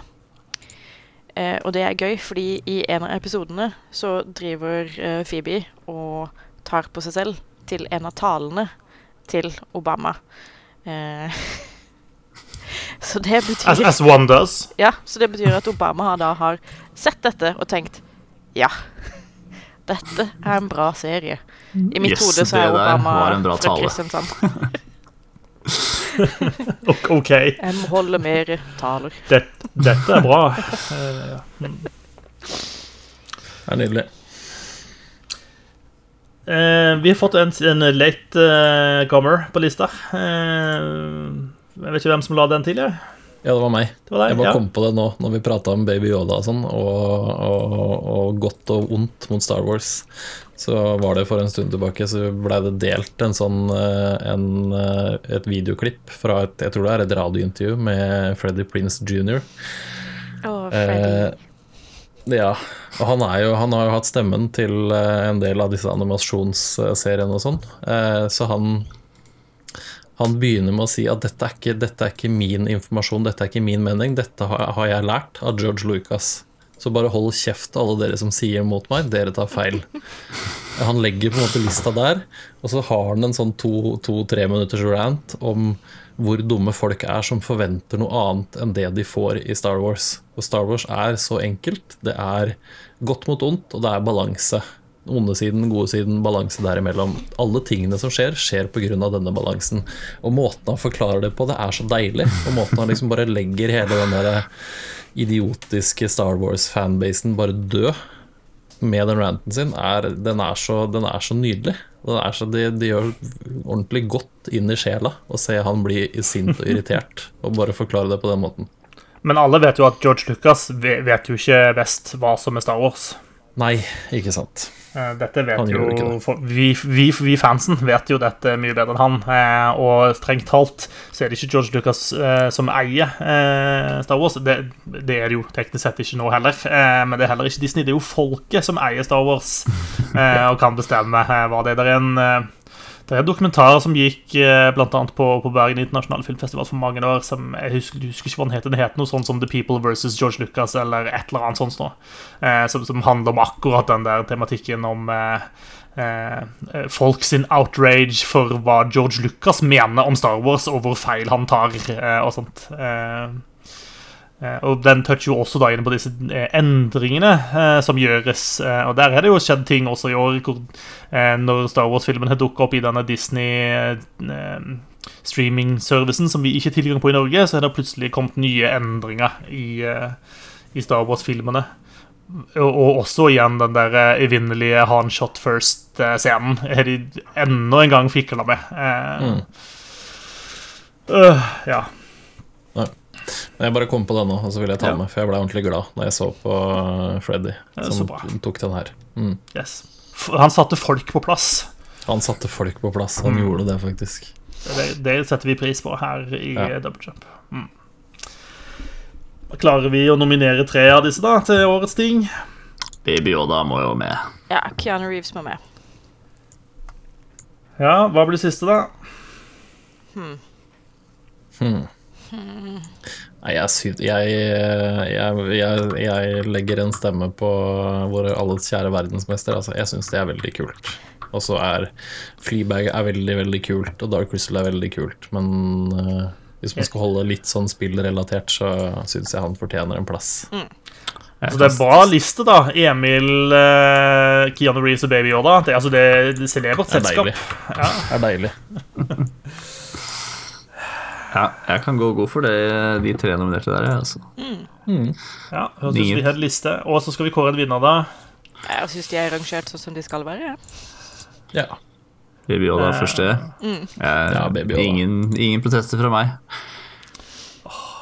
Ja, altså det er, det, det er jo litt uh, Altså, hvem av oss skal ringe til Keanu Reeves og si 'sorry, du kom på andreplass'? Uh, altså, Keanu Reeves er så hyggelig at han kommer til å ta det helt fint. Ja, ja. Keanu Reeves han, han koser seg på Baby Yoda sine vegne, det er jeg helt sikker på. Mm. Jeg tipper han kommer til å spørre hvorfor har dere ikke Hvorfor har dere meg på andreplass, hvorfor har dere ikke meg på tredje? Ja. Mm. ja. Ok, Da får dere ringe Keanu, og så skal jeg ringe til, til, Emil. Jeg ringer gjerne Keanu. Har du nummeret hans? jeg kan ringe Baby Yoda. Du ringer Baby Yoda. Baby Yoda er årets ting i 2019. Hilsen Double Jump. Ja. Eller Force be with him. Yes. Mm. Skal vi rase videre til neste kategori? Yes. Ras videre. Nå er vi i god, god gang, Synes jeg. Nå er det bra driv. Bra driv. Eh, da tenker vi skal over i skurke, skurkeverden. Eh, til kategorien Årets 5-0. Eh, og som tradisjonen er, Håvard, så må du forklare hvorfor vi har en kategori som heter Årets 5-0. Uh, ja, det stammer fra mine, mine dager i The Division, hvor jeg traska rundt i denne grå Uh, versjonen av New York. Det er ganske, ganske grå uansett. Det var i de dager da jeg gikk og trasket rundt i The Division. Ja. En uh, sånn apokalyptisk versjon av, av New York. Um, hvor jeg havna i et smug, hvor der kom det en liten, liten gjeng med noe skumle folk som så litt skumle ut. Uh, så jeg tenkte disse her skal jeg ta, og så skal jeg få XP, og så skal jeg ta tingene deres, og så er det en easy, easy deal. Uh, så viste seg at denne hettegenseren da, til han som virker som lederen, den er jo skuddsikker. Han er rett og slett udødelig. Den får jeg jo så jeg får så hatten passer, og respawner et stykke unna. Jeg bruker litt tid på å finne tilbake til dette smuget, for her skal jeg ha hevn. Men jeg kommer litt forberedt, skal jeg stelle meg lenger bak, så jeg har mer tid til å fylle kroppen hans full med bly. Men det funker ikke, det heller, så jeg får grisedeng på nytt. Og jeg tror jeg prøver en tredje gang. Og ja, blir bare latterliggjort av 5-0 og gjengen hans. Så uh, kategorien uh, Årets 5-0, der skal vi liksom kåre uh, ja, årets skurk som gjorde livet vårt surt i, i spill vi har spilt i året som har gått. Ja, for det er liksom ikke, det er ikke nødvendigvis årets beste skurk. Det er liksom mer sånn årets jævligste skurk, på en måte. Ja. For det skal jo minnes om at 5-0 var jo ikke liksom the end game-boss i The Division. Han er jo omtrent den første sånn low level-bossen du møter. Ja, det er jo sånn level 5-boss, uh, ja. Mini-boss, ja. eller hva man skal kalle det. Det hører liksom med til historien at jeg også møtte 5-0, og jeg skøyt den og drepte den. Ja, det gjorde til og med jeg, og jeg har knapt spilt det spillet. Eh, jeg har gjort det, sånn... gjort det, i senere tid, da, og da kom jeg tilbake. Da var uh, Who's 5-0 now? Jeg har, et, jeg har, et, screenshot av det et eller annet sted. Da hadde du med deg backup? Eh, nei, jeg tror jeg dro dit aleine, men jeg hadde Jeg var typ level 20 da jeg gjorde det, som er maks. Ja jeg syns det er like fordøyelig hver gang du forteller. Det er mitt juleevangelie, dette. Ditt, ditt oppgjør med, med Fiver. Eh, ja. Uansett, det vi skal kåre, og jeg skal kjapt lese gjennom de nominerte, det er da Guston, eh, som er det navnet vel vi har gitt til eh, hoved... til protagonisten i Untitled Goose Game. Det er BT, det er hordene i Days Gone, det er Hammer Bro. Det er eh, den store frosken, også kjent som Ogdo Bogdo eh, i Jedi Boy-spillet.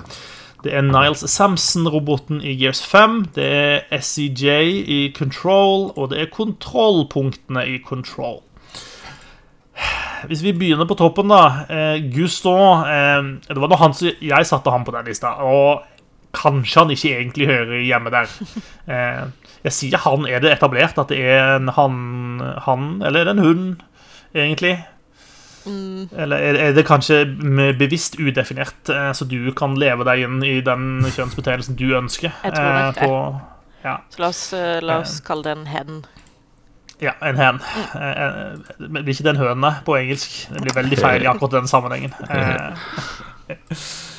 Uh, uansett, uh, jeg tok den inn fordi at uh, årets five år skal være liksom en litt sånn kuk, da. og jeg føler at det det, det, det Untitled Goose Gusa er. Det, det, er bare en vandrende kuk som går rundt og gjør oh, kukeri. Wow. ja. um, så jeg syns det passet litt, men det, samtidig er det jo ikke en skurk eller noe du skal på en måte overcome. da Det er jo, uh, det er jo du, du, som er kukken, uh, som er kanskje en av de tingene som gjør spillet gøy. da Uh, Men jeg syns det var verdt å nevne den, i hvert fall i denne kategorien. BT. Ja, det er jo disse usynlige slemmingene i Death Stranding som det passer heller ikke Jeg har ikke hatt det samme problemet med BT som jeg hadde med 5.0, for å si det sånn. Um, men de er, eh, de er jævla creepy, jævla ekle når de er usynlige, og du må stå stille og skanne for å se dem, men en gang du beveger deg, så ser du det ikke lenger, og da uh, mister jo litt sånn kontroll på hvor de hvor de er, og hvor nærme var du egentlig. og Det blir jo et helvetes leven hvis du, hvis du blir tatt av det, i hvert fall. Jeg syns, eh, jeg syns de kan dra tilbake dit de kom fra. Fordi de er det verste med hele Death Stranding, syns jeg. De verste på en god måte, eller de verste som er dårlig verste? Altså De verste på en god måte, fordi jeg blir dritredd hver gang det begynner å regne. Og jeg vet at fuck. du må ikke flytte til Bergen, det ser jeg. Nei. Og jeg tenker fuck, nå kan det være de dukker opp. Eh, så da må jeg gi kontrolleren til uh, min samboer, og så må han spille til det slutter å regne. I Bergen så er, jo BT kult, Bergens Tidende, liksom... og det er en veldig bra avis. Ja, vi er også livredd for at de skal dukke opp uh, plutselig.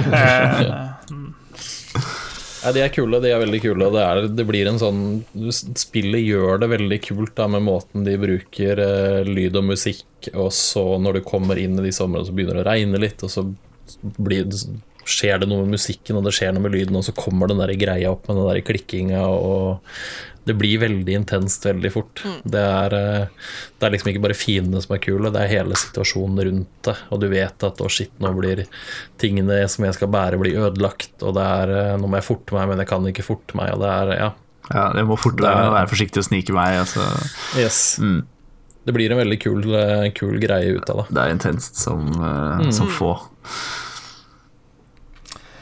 Hordene i Days Gone ja, de er jo Det er jo bare en bråte med, med zombier.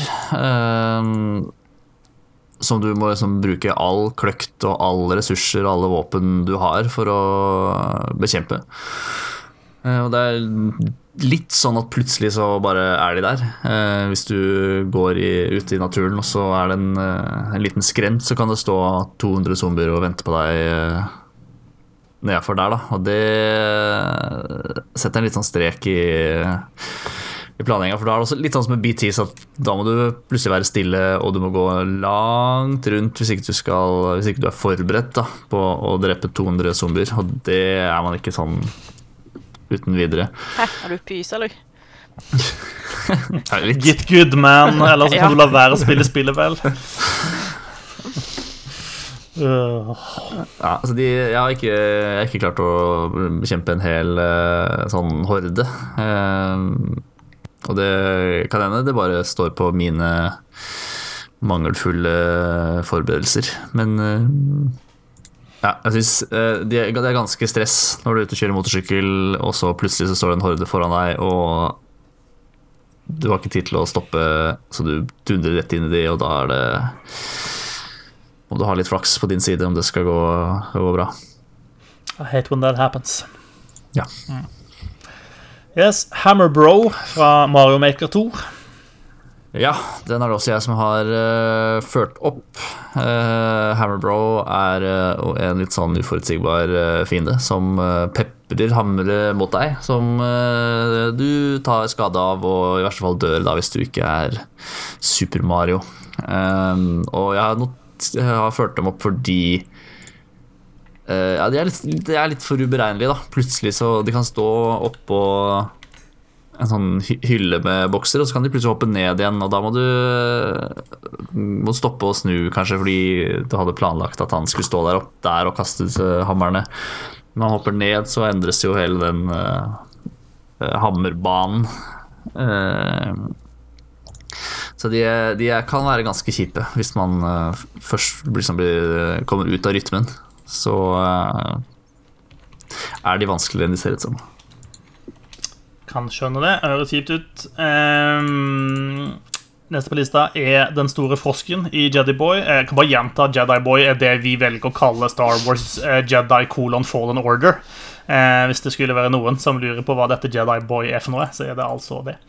Uh, og Den store frosken, da begynner kanskje folk å se et mønster.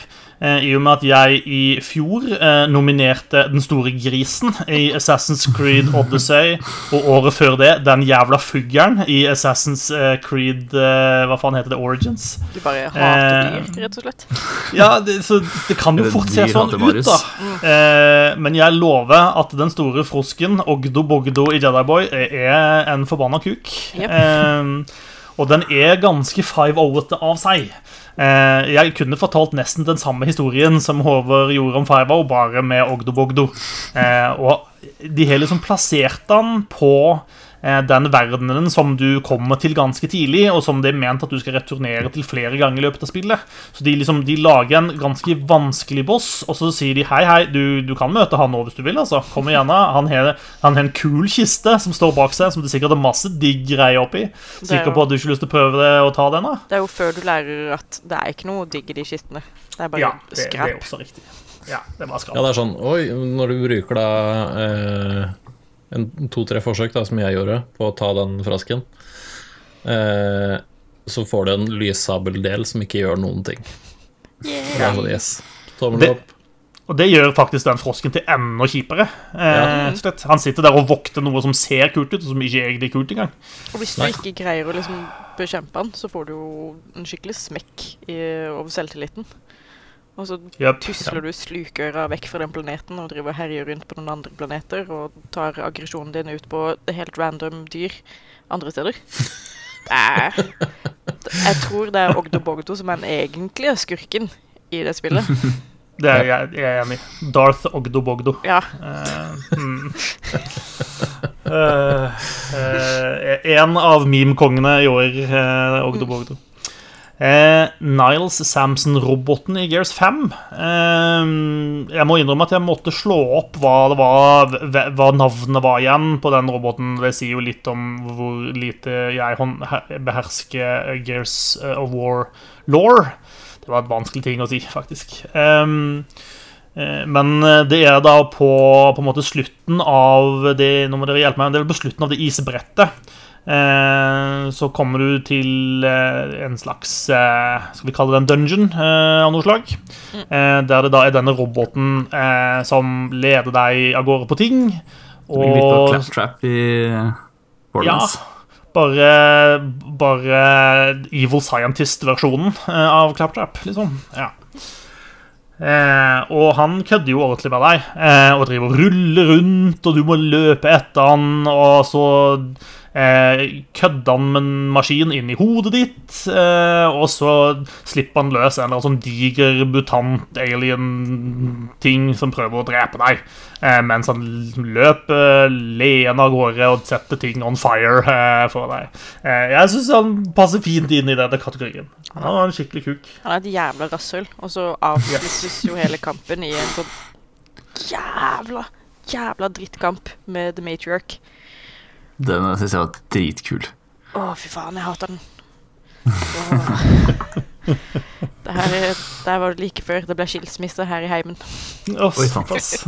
før, før du på? Ja. så, så alvorlig var det. Hvis man skal skille seg, like greit å gjøre det før bryllupet. Som ja, utgiftsspart, tenker jeg. Uh, eh, SEJ i Control. Yes. Den var det vel jeg som putta på. Mm -hmm. Ja, hvem er dette?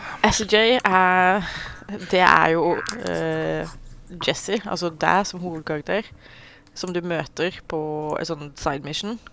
Hvor du må inn i et speil og løse noen gåter og tjo og hei. Og du finner noe opptak som er liksom spilt inn baklengs eller speilvendt, og så må du ja, det er mye frem og tilbake, men på helt slutten av det oppdraget så møter du da på SEJ, som er der, eh, bare bedre. Fordi For det første så er det tre av henne.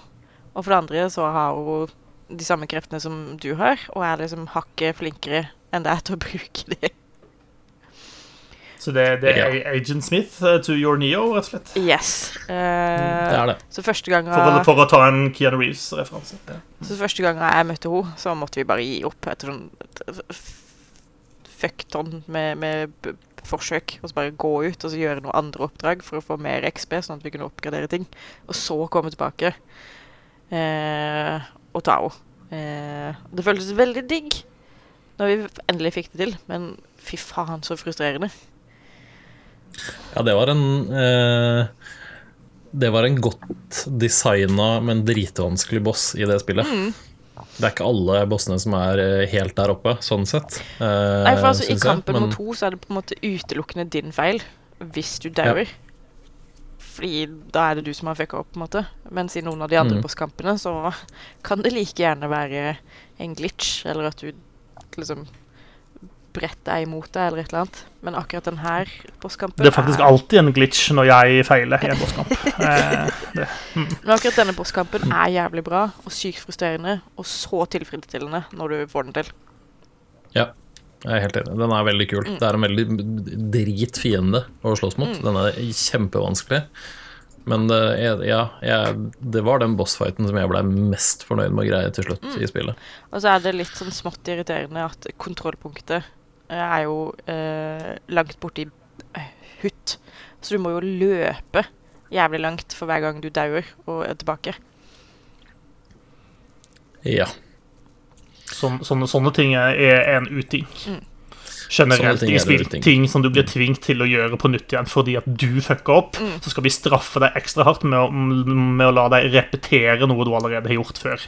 Det er en sånn skikkelig sånn kjip sånn der en eh, Det er årtids- religiøs barneskolestraff, liksom. Årtiets uting. ja. Tiårets uting. Lett. Game of the decade, dag én. Ja. Siste var kontrollpunktene i Control. Ja, fuck. Når du endelig har drept SEJ og løpt hele den der eh, retningen, ja mm. Nei, det er jo nettopp det da som er liksom greia. Uh, at du har, du har en bossfight. Og da er det jo eh, vi, vi som da spiller spill i moderne tider nå, vi er litt vant til at da, da har man gjerne en sånn uh, hurtigsave eller et kontrollpunkt, point, eh, bare rett i nærheten. Sånn at du slipper å bruke si uh, ett til ti minutter på å komme deg tilbake der du var. Eh, og det, der er ikke kontroll veldig god. Og det er helt nå, nå kommer jeg til å spoile litt, men jeg skal ikke si noe historiemessig. Men mot slutten av det spillet så har du en lang sånn kampsekvens der du går på, fra plattform til plattform høyere og høyere opp. Oh, ja. Eh, Du møter masse fiender, og det er folk som flyr og alt mulig sånn. Og det er på en måte greit nok i seg selv, men du er på en plattform. Hvis du detter utfor denne plattformen, da dør du. Eh, og det er ikke alltid like lett å ha kontroll på da to-tre flyvende ting der, raketter som kommer mot deg, og så dodger du til høyre, og så å shit, der var det ikke mer bakke. Og så må du starte helt på nytt. Og så løper du, Det er ikke så langt å løpe opp til første starten, men det er typ sånn tre plattformer. Hvis du kommer deg til den tredje, og aktivere alle disse tingene. Det kommer en videosekvens, det skjer noe, og de neste plattformene reiser seg opp, og så kommer du videre dit. Hvis du dør på den tredje, så er du helt tilbake til start, og så må du gjøre én, og så må du gjøre to, og så må du gjøre tre på nytt. Å, fytti helvete så sur jeg var. Mm, Det er de litt det samme på en av bossene i eh, Jedi Boy også. Eh, eh, litt mindre skala. Men eh, Hvem boss da? eh, han som er på Er det Dat- Dat- Dathomir, eller noe sånt? Han som er på den kjipe, skumle planeten. Ja, han mannefyren, holdt jeg på å si. Mannefyren, ja. Yes. eh, That guy. Og mannefyren, ja. Ja. Mm, stemmer det. Ja, men i hvert fall, eh, kontrollpunktene i Control de kan eh, spise en bolle, ass. Det er noe dritt innimellom. Og det er ikke, det er ikke gøy å spille gjennom sånne lange sekvenser. Og den sekvensen der, den tar typ 10-15 minutter i hvert fall. Hvis du ikke er jævlig mye bedre enn meg, og det, jeg, jeg tror ikke det går an å bli så mye bedre i det spillet, at du gjør det veldig mye raskere enn meg, faktisk. For du må også ta alle fiendene før du kan aktivere den tingen som gjør noe. Der burde det være et checkpoint i seg selv, hvis du har greid én. Men nei da. Du kan til og med greie tre, og så kan du drite deg ut og bomme på hoppet, og så bare 'Å, ja, har er kjørt. Må du begynne på nytt igjen'. Sorry, Mac. Jeg hører på outragen din. Det er, det er ikke ofte Gjøran hever stemmen eller tyr til sarkasme. Eh, så da, da er det alvor. Mm. Ja, nei, den, det, akkurat det der er skikkelig dårlig. Det Noe av problemet med kontrollpunktene også er jo også det at det er liksom langt mellom de. Så når du først finner Ja. et, så er du som regel Du er jo helt vrak, på en måte. Eh, du har kjempa deg gjennom masse folk og er kanskje holder på å daue og tjo og hei, og så kommer du til et kontrollpunkt, og så må du kvitte deg med masse drittsekker der også. Og hvis du da dauer før du greier å claime det jævla kontrollpunktet Ja, Ja. Yes. jeg er med på det. All right. Skal vi prøve oss på å nominere tre av disse til topplisten? Ja. Jeg, jeg slenger ut eh, Ogdo Bogdo, jeg, altså. Eh, samme forslag til topp tre. Ja, Jeg jeg syns du skal det til det. Den, den er en, det er en veldig god representant i akkurat hva denne kategorien skal være. Yep. Samme med eh, SCJ, syns jeg. Ja. Sure. SEJ er en bra, bra og irriterende boss. Mm. Fordi der må, du, der, må du, der må du være med litt.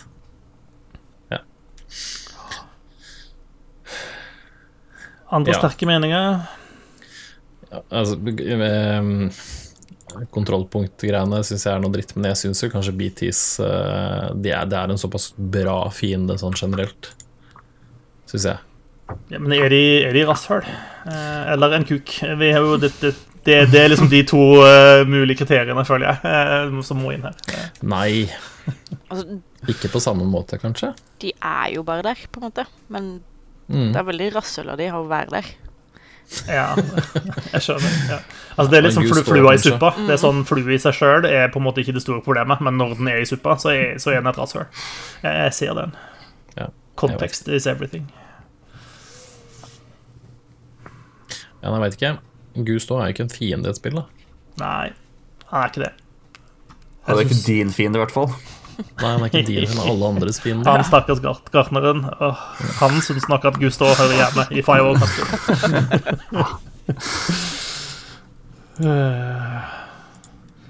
Jeg vet ikke. Jeg syns den roboten i Gears 5 er ganske, ganske kjip av seg, han også. Ja, nei, jeg har ikke spilt, uh, spilt det nok, så den kan ikke jeg si noe på. Men jeg kan, jeg kan være med på at den også passer veldig godt til 5O-greia. Jeg kan gå god for den. Ja. Da tar vi med den. skilsmissegrunn, så Ja, Da har vi tre stykker. Eh, Er du enig i dette, Håvard? Ja, jeg, nå har ikke jeg kommet så langt til jeg har spilt uh, Jedi Boy, men uh, det høres ut som Ogdo Bogdo er 5O reinkarnert, på en måte. ja. Det, ja, det er kanskje Five og fortjente det. Han var så stor drittsekk at han ble reinkarnert som en stor frosk. Ja. Eh, og hans eneste skjebne er å bli utfordra av silly Jedi Boys eh, gang etter gang etter gang. Høres fornuftig ut. Er det, er det sånn å tolke at vi da kårte en vinner i samme slenge nå, eller? ja. Ja. Bam. Ogdo Bogdo, den store frosken i Jedi Boy, er årets 5-0. Gratulerer. Jeg tenker at vi hopper rett videre til neste kategori når vi er så godt i gang. Eh, og da skal vi til kuleste våpen. Eh, for de fleste spill har jo våpen av et eller annet slag. Eh, og der har vi en, eh, en saftig liste med våpen som vi skal prate oss gjennom. Jeg føler jeg har Eh, glemt noe. ja, helt sikkert. Eh, jeg leser kjapt igjennom lista. Eh, Press X to honk, eh, som da er en Title Goose Game sin eh, Jeg vet ikke om det er et våpen, eh, men det er gøy. Eh, så jeg tok det med. et, det er et angrep, da, på en måte. Eller strengt talt ikke, kanskje, men ja. Altså, du kan jo sperre smågutter inn i, i telefonkiosker med det, så Hvem vil ikke det, liksom? Ja. Ja, ja. Eh, Press X to Honk, eh, Blood Grenade i Death Stranding, eh, Lysabel, eh, Sigma sitt main attack i Overwatch, eh, Lancer Assault Rifle i Gears 5, Launch i Control, eh, Pistolen i Control, eh, Love Machine i Borderlands 3, Elemental Orbs i Slay the Spire og Rottene i A Plague Tale Innocence. Ehm, det er de som er nominert på lista. Jeg satt og tenkte, tenkte sånn Er det ikke liksom Outer Worlds? Er ikke det kule våpen? Eh, Så jeg tenkte De har jo noen sånne egne spesialvåpen som er lagd spesifikt for å være kule, men de var ikke egentlig så kule, de liksom unike våpnene i Outer Worlds. Var de det, da? Synes det var sånn Jeg brukte det nesten ikke. Nei, nettopp. Det var sånn, det, var sånn eh, det, det føltes som at de prøvde litt sånn Nå skal vi gjøre den Borderlands-greia med sånn teite våpen og sånt, men bare vi, Nei. Det var ikke så, så bra, liksom. Nei, det var ikke det. Men OK, der har vi de på lista. Vi starta med eh, Press X to honk. Eh, spørsmål om hvorvidt det er et faktisk våpen. Eh, det er en diskusjon jeg kan skjønne. Eh, men eh, det, det er så gøy at det må være på lista. Du kan gå rundt og honke på folk, eh, og det skaper de reaksjonene det gjør. Det, det er så gøy, eh, og det, det er på en måte det nærmeste man kommer et våpen, føler jeg, i det spillet. Og jeg syns at det, det fortjener å være med på lista. Så det er et av de kuleste våpnene, in my opinion. Mm. Blood Grenade i Death Stranding, hva er det for noe? Det er våpenet du bruker til å bekjempe BTs med. Um, det er granater fylt med ditt eget blod, er det ikke det, Jiran? Jo, det er riktig. Uh, så du kan ikke ha ikke uendelig av de, da. er blod? Nei, og det er litt sånn du, uh, du kan ta med deg sånne eh, blodpakker når du går ut på tur, for å si det sånn. Uh, men hvis du ikke har med det da, og bruker, bruker disse blodgranatene, så kan du få sånn anemi etter hvert. Du får, eh, du får rett og slett for lite blod i kroppen. Så det, det bruker faktiske blodet du har i kroppen når du kaster en sånn granat. Det, er, det ser veldig kult ut, og det er en veldig kul sånn ja, det er veldig digg å kunne rydde litt vei fra disse BT-ene som henger rundt deg som sånne skrømt og bare er kvalme. Ja. Da kunne man eh, skal se, Det begynner å bli mange år siden nå, da, men vi snakka om ehm, ehm, mm, mm, mm, Det var ikke hva var det, da? Det var det året med uh, Breath of the Wild. Um, yeah. Så husker jeg Jonas prata om hvordan han følte han fikk så mye makt med en gang han fikk hendene sine på en sånn ancient arrow. Mm. Og jeg føler det er litt sånn her også. Uh, for du er fryktelig hjelpeløs uh, uten. Ja, du er det. Da er du liksom helt prisgitt at du ikke blir oppdaga. Ja. Men du lager vel granater av andre kroppsvæsker også? Gjør du ikke det? Jo, men de kan vel de Altså, blodgranater tar vel livet av BT-ene, eller fjerner de, da. Mens de andre, de er vel De er ikke så effektive, tror jeg. Men du får jo sånne, sånne små vials med Om du går på bimmelimmel og bommelom, så får du Får du alternativene, på en måte. Destillert ned som et våpen. Det, ja, det er, mye, det er mye kroppsvæsker involvert her. Så vi er på det nivået at vi kaster bæsj på de tingene vi ikke liker. Ja da. Ja. Ja. Mm. Det er liksom apestadiet, liksom. Og jeg ser jo for meg at Norman Reedus har gjort alle disse tingene. Ja, det tror jeg nok. Ja. Det, Han er, han er jo en skuespiller som går veldig inn i rollen sine. Så det, ja. Jeg vil, jeg vil absolutt tro det, at han gjør det, ja. Blood Grenade, det ansatte alle eller bæsjegranaten, den var ikke nominert. Eh, Lysabøl, eh, kanskje representert ved Jedi Boy-spillet i denne sammenhengen, men er ikke lyssabel alltid det kuleste våpenet? Jo, jeg tenkte litt på det, så jeg så lista at uh, Kanskje jeg bare stoppe der og så gå videre. Lysabel er kult. Um, Vi sier det er sabla kult. sabla kult. Det, er ikke noe, det er ikke så mye mer å si om det, egentlig. Og ja. To lysabler, enda kulere. Ja. Og en dobbel, kanskje det kuleste. Dobbel er kanskje det kuleste. Ja. det er faktisk litt teit at det er så kult med en dobbel lysabel, men det er det. Åh. Eller en sånn type Claymore som uh, Kylo Ren har. Nei, jeg tror jeg to- går for dobbel. Ja, dobbel er kulest. Ja, da. Ja. Synes det. Men det er veldig gøy. Lysabel er gøy. Lysabel er alltid gøy. Ehm, Sigma sitt main attack i Overwatch. Det kom, Sigma var jo en ny helt i Overwatch i år. Eh, en uh, hollandsk eh, Hva er det for noe? En eller annen forsker av noe metafysisk slag eh, Ja. som eh, ikke liker å ha på seg sokker. Eh, og han har to eh, Hva er det for noe? To kuler han kaster, som skaper en slags implosjon, eller noe sånt? Er det det de gjør? Ja, jeg tror det. Ja, Det er så de, mini-svarte hull, liksom.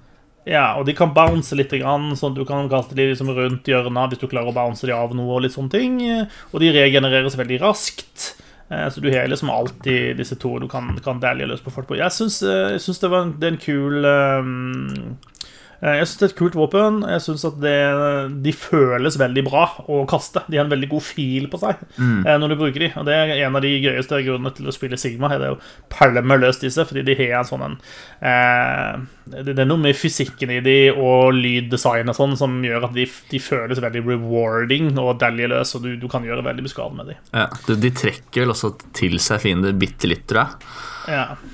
Det er sånn gravitasjonsgreie. sånn, ja, bitte lite svart hull, da, som jeg sa i stad. Um, så de syns jeg er ganske kule. Uh, Lancer Assault Rifle i Gears 5. Altså Det, det er vi litt tilbake på lysabel. Vin, vi vinner ikke motorsaggeværet eh, hver, hver gang, uh, på en måte. Um, men eh, jeg satt og tenkte på det når jeg spilte Gears 5 også. Det er mange våpen å velge mellom i dette spillet, men ingenting slår og motorsagene er folk, altså. Eh, Jeg har Jeg alltid syns- Lance Rifle hvis jeg kan. ja, og jeg, altså, jeg syns Det gir Bare liksom sånn- en, en helt egen glede, føler jeg. Og bare the sheer audacity eh, At når noen kom på dette i utgangspunktet At yes, hva, liksom, hva, hva kan gjøre den liksom, drapsvåpenet mer eh, man, maskulint, liksom? Ja, vi trykker på det en motorsag, så du kan skjære deg gjennom fiendene mens de står og bøler til deg. Ja, det Motorsagbajonett. ja. Og der har du så det er Siste bossen i enten i Gears 2 eller 3 Han har jo en sånn double-edged chainsaw staff. Som uh, da blir uh, da ekvivalenten til uh, tosidig uh, lysverd, lysstav. Det er så dumt at det blir gøy. Ja. Det er deilig.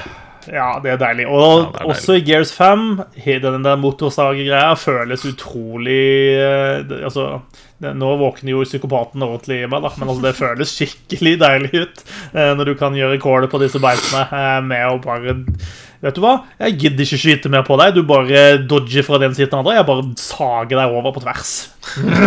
Ferdig med det. Åh, videre. Ja. Deilig. Launch i Control. Eh, Dette er vel et telekinetisk angrep, er det ikke det? Ja. Det er bare Jeg tror det er hele pakka rundt eh, Rundt den evnen der, da. Altså Først når du får den, liksom. Det er vel det første angrepet du får, hvis ikke jeg husker helt feil. Eh, Ut, utenom pistolen. Utenom pistolen, selvfølgelig. Eh, og hvordan fysikken i det funker, er liksom én ting, men lydeffekten av den når du liksom drar til deg en gjenstand, og når du fyrer den av gårde, den er så innmari, innmari kul. Den, den, den derre sugelyden som kommer når du drar til deg noe. Uh, og så er det en, det er en veldig deilig sånn trøkk i det våpenet. Og i hvert fall etter hvert hvis du oppgraderer det og sånn, så er det jo det er ikke noe poeng å bruke så veldig mange andre våpen, egentlig. Eh, det er bare innmari digg. Det er, det er et veldig deilig sånn våpen. Alt fra lyd til maktfølelsen til fysikken og Altså du kan, Mot slutten så kan du liksom skyte en fyr igjen med to ganger, og så kan du bruke den launchen til å dra han da til deg og kaste han på kameratene sine. Altså Da blir du badass da med en gang. Det er veldig kult. Du får deg jo jeg til å føle deg liksom dels som en, en jedi, og dels som Eleven i Stranger Things. Yes, helt riktig. Det var en veldig god måte å vise si det på. It's amazing. Jeg elsker det. Jeg digger det. Pistolen i Control. Ja, Den må også nevnes fordi den er så innmari kul. Fordi den er jo alle våpen i ett våpen. Um, den, kan være, den er jo vanlig pistol, og så kan den være en hagle, det kan være en sniper, og det kan være en liten sånn SMG-greie. Uh, og du bytter ved å liksom da istedenfor å lade den, for den lader jo bare opp når du ikke bruker den, men hvis du trykker på en sånn type ladeknapp, så bytter du til den andre våpenet, og da bare omformer den seg litt, så den ser litt annerledes ut, og så har du da f.eks. en hagle i hånda istedenfor. Eh, Den blir aldri liksom tohånds eller noen ting. Den er, den er bare veldig kul. Den er veldig kult designa. Veldig kul sånn effekt. Og igjen, lyd generelt i Control er Det er et veldig, veldig deilig spill å høre på. Og Kult. hele den klikke, klikkelyden og sånt som skjer når du bytter, er eh, innmari kul. Og så er det veldig det er veldig god feeling og veldig god forskjell på de forskjellige våpentypene den ene pistolen er. Det å liksom skyte når den er en pistol, er, det er veldig lett og veldig kjapt. Og så bytter du til en hagle, så er det en veldig sånn tung sånn bong i den. Så de har fått det til Endelig har Remedy fått til den delen her av et spill. Der har de ikke alltid vært så gode før, men nå syns jeg de har gjort det veldig bra. Og så er det jo eh, pistolen som bestemmer om du blir the director eller ikke. Ja, pistolen er egentlig sjefen. Mm. Og det er litt kult. Ja. Så det er ikke people som kill people, det er faktisk guns som kill people. Det er faktisk er guns som kill people. I knew it all along. Eh, apropos eh, lite sidespor, eh, du nevnte at den pistolen kan være ulike typer våpen. Eh, og så nevnte du SMG-aktiv våpen. Eh, sånn, eh, når du har et spill, og du, liksom, du kan velge mellom en kraftig pistol og en sniperrifle og en hagle og eh, rifle og alt mulig sånt, hvem er det som velger SMG-våpenet? Ingen. Nei. Hvorfor er det i det hele tatt med i så mange spill? Det, det er jo konsekvent det minst kule våpenet i alle spill. Hvis du har eh, muligheten for å velge en assault rifle i stedet, så gjør du jo Ja. Hvis du skal ha Ingen. helautomatisk, da. Ja, og hvis du har muligheten til å velge si en hagle, så velger du en hagle. ja. Fordi en SMG er jo heller ikke noe bedre på avstand, så når du først kommer nærme, så tar du hagla. Ti av ti ganger. Men, Ja, eller ei slegge, eh, for det seg sjøl. Altså, eller bare ja. launch, da. Alltid launch først. det, det er greit. Force Powers er, er selvfølgelig the, the go-to hvis ikke du skal svinge lysabelen din. Men ja, SMG er definitivt ikke kuleste våpen. eh, I hvert fall. Nei. Love Machine i Borderlands 3, skrevet med sånn gøyale tall, uh, tallskrift. Ja, fordi det er sånn den skrives. Eh, Ja. Borderlands 3 er jo så Borderlands som det går an å, å bli. Eh, Men jeg syns Love Machine kanskje, kanskje var et av de morsomste våpnene. Det er ikke, noe, det er ikke sånn spesielt bra, men det er en SMG, da. Det er jo derfor den ikke er så bra. Eh, men eh, eh, sprayen på, på Love Machine er et hjerte. Det syns jeg var morsomt.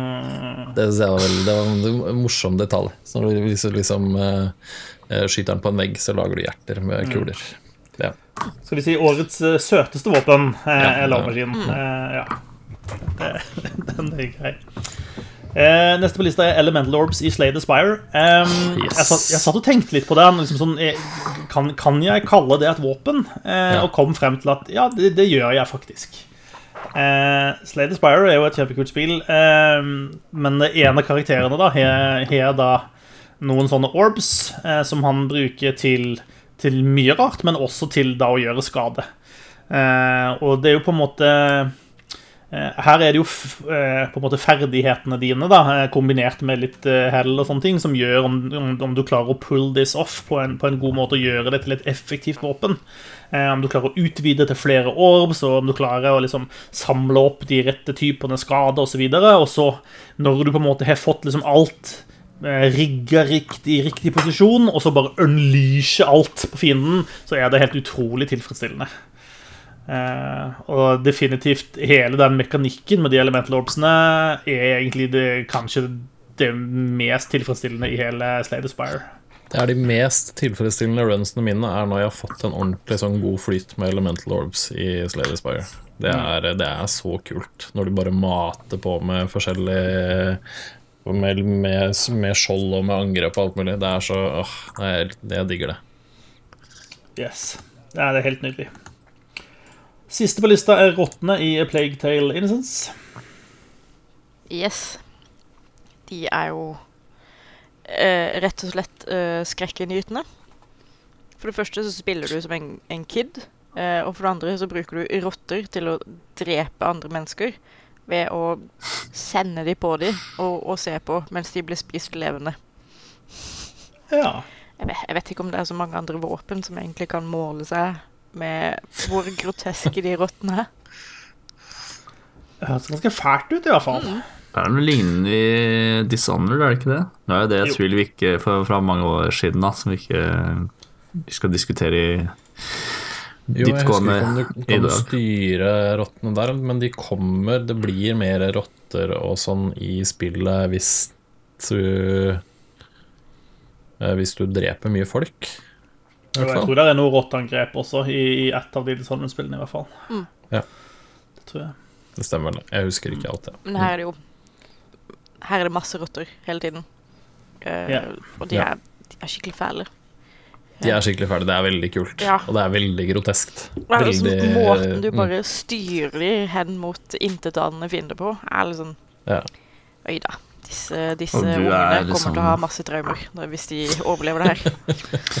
Du er uh, The Pied Piper, for å trekke Silicon Valley-referansen en gang til. Yes.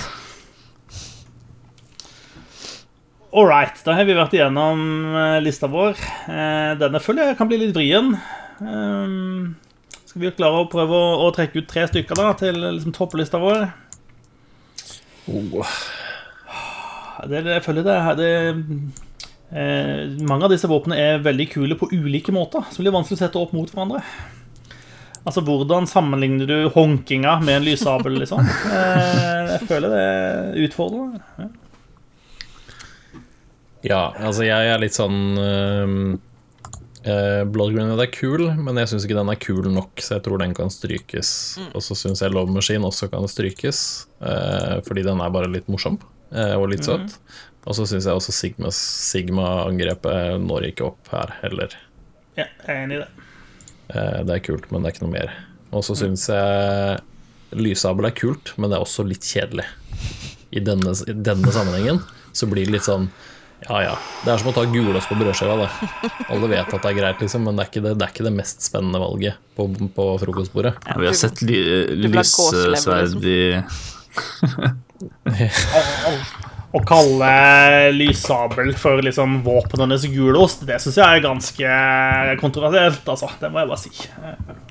Ja. Det er derfor jeg er her. Ja. Men alle vet jo at Altså, jeg- lyssabel er, liksom, er litt for sivilisert. It's made for a more civilized time. Eh, Yes. Så jeg tror jeg ville valgt noe som er litt mer, litt mer futt og ødeleggelse i. Kan jeg si at jeg syns Press X to honk skal være med? Sure. Ja. Jeg, jeg, kan, jeg kan være med på den. Det, det er så gøy at jeg syns jeg kan være med. Det er gøy, og det er eh, annerledes, og du bruker det på så, morsomt, på så mange morsomme måter. Ja. Og det er jo også et angrep du kan modifisere. Ved å liksom ta på deg en flaske eller et munnspill eller et eller annet sånt. Mm. Ehm, jeg syns at pistolen i Control høres kulere ut enn launchen i Control. Litt fordi at den launch-biten, den føler jeg Ja, jeg, jeg, jeg, jeg har jo prøvd den sjøl, og jeg syns også den er kul, men det er litt Jeg har gjort tilsvarende i en del andre spill. Eh, og da syns jeg pistoldesignet virker kulere. Er det er, man, er, er kontrollspillerne uenige med meg i, i den?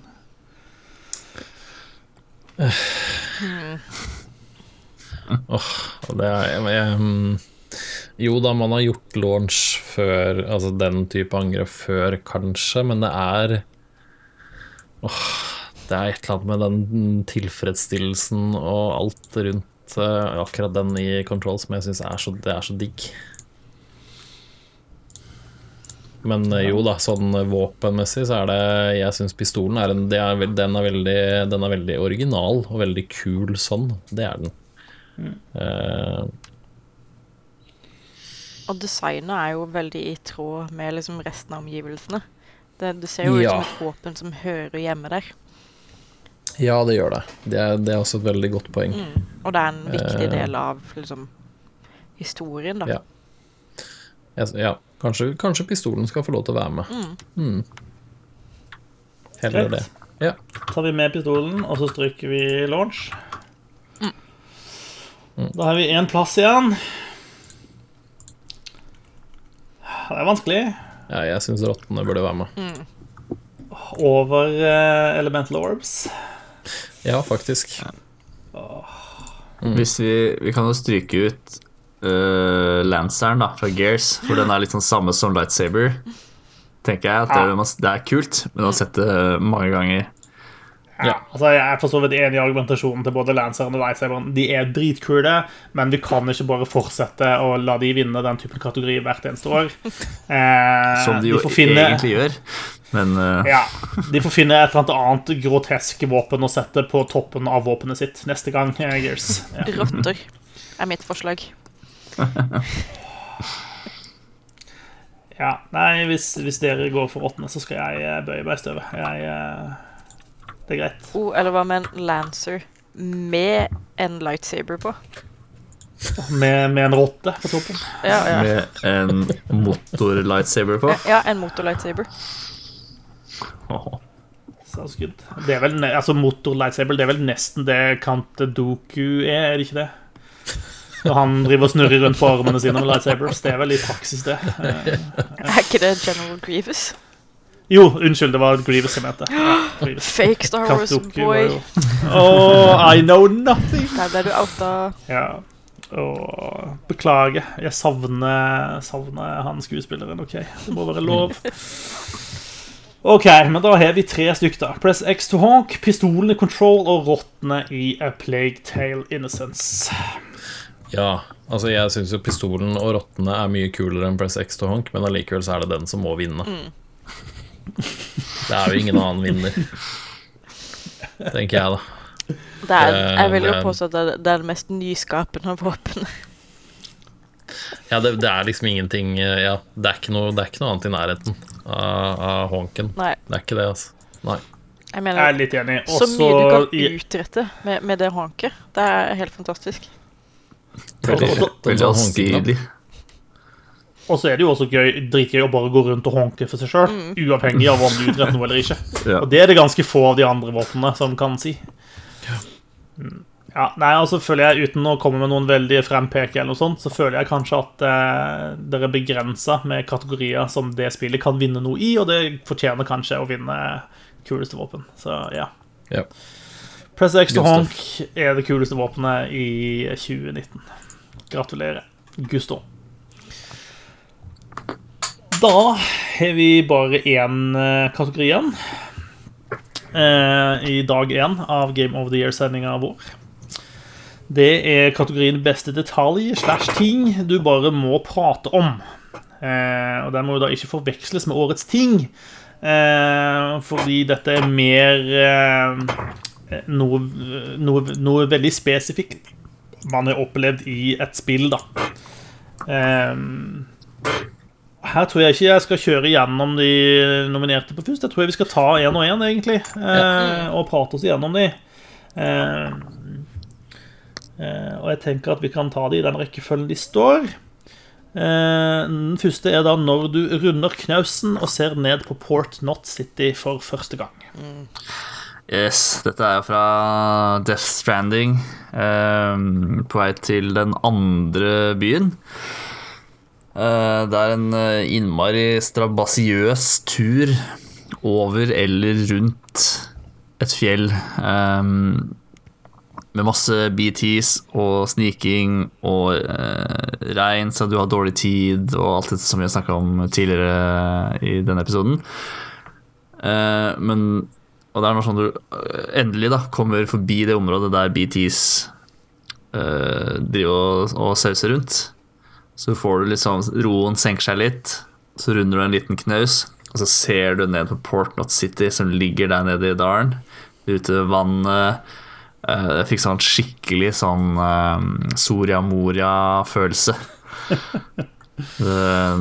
Dette maleriet av eh, Er det Kittelsen som har vært det? Don't put us on the spot like that, man. Jeg, Ja. tror- jeg tror det. Ja, vi tror Det det.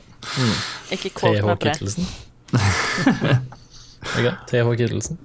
Mulig. Jeg vet ikke. Ja, det var i hvert fall uh, skikkelig kult og sånn god belønning for den, uh, den uh, alt det stresset og alle strabasene du hadde vært gjennom de siste 25-30 minuttene. Cool. Deilig. Det er en veldig deilig følelse. Mm. Ja. Og så med musikken som kommer, og sånn, så blir det ja. Ja, det er, eh, det sånn Ja, det kommer bare sånn helt, helt, helt Hva skal jeg si? Vanlig holdt på å si vanlig musikk. Ofte, da. Vanlig kjip musikk som ikke jeg egentlig liker.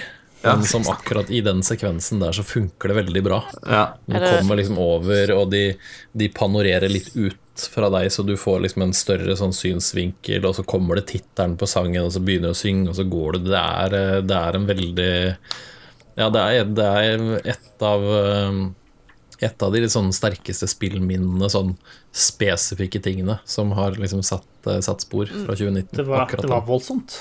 Da fikk jeg litt sånn eh, Dragon Age Inquisition-vibbe. Det når de går ut i eh, snøen og synger denne sangen sammen, sånn for å holde liv i håp om at de skal komme levende ifra ja. Ja, det er litt Den, den var veldig Det var veldig rart. Det er litt i Eh, ja. samme gata, ja, men jeg føler kanskje Death Stranding gjør det bedre.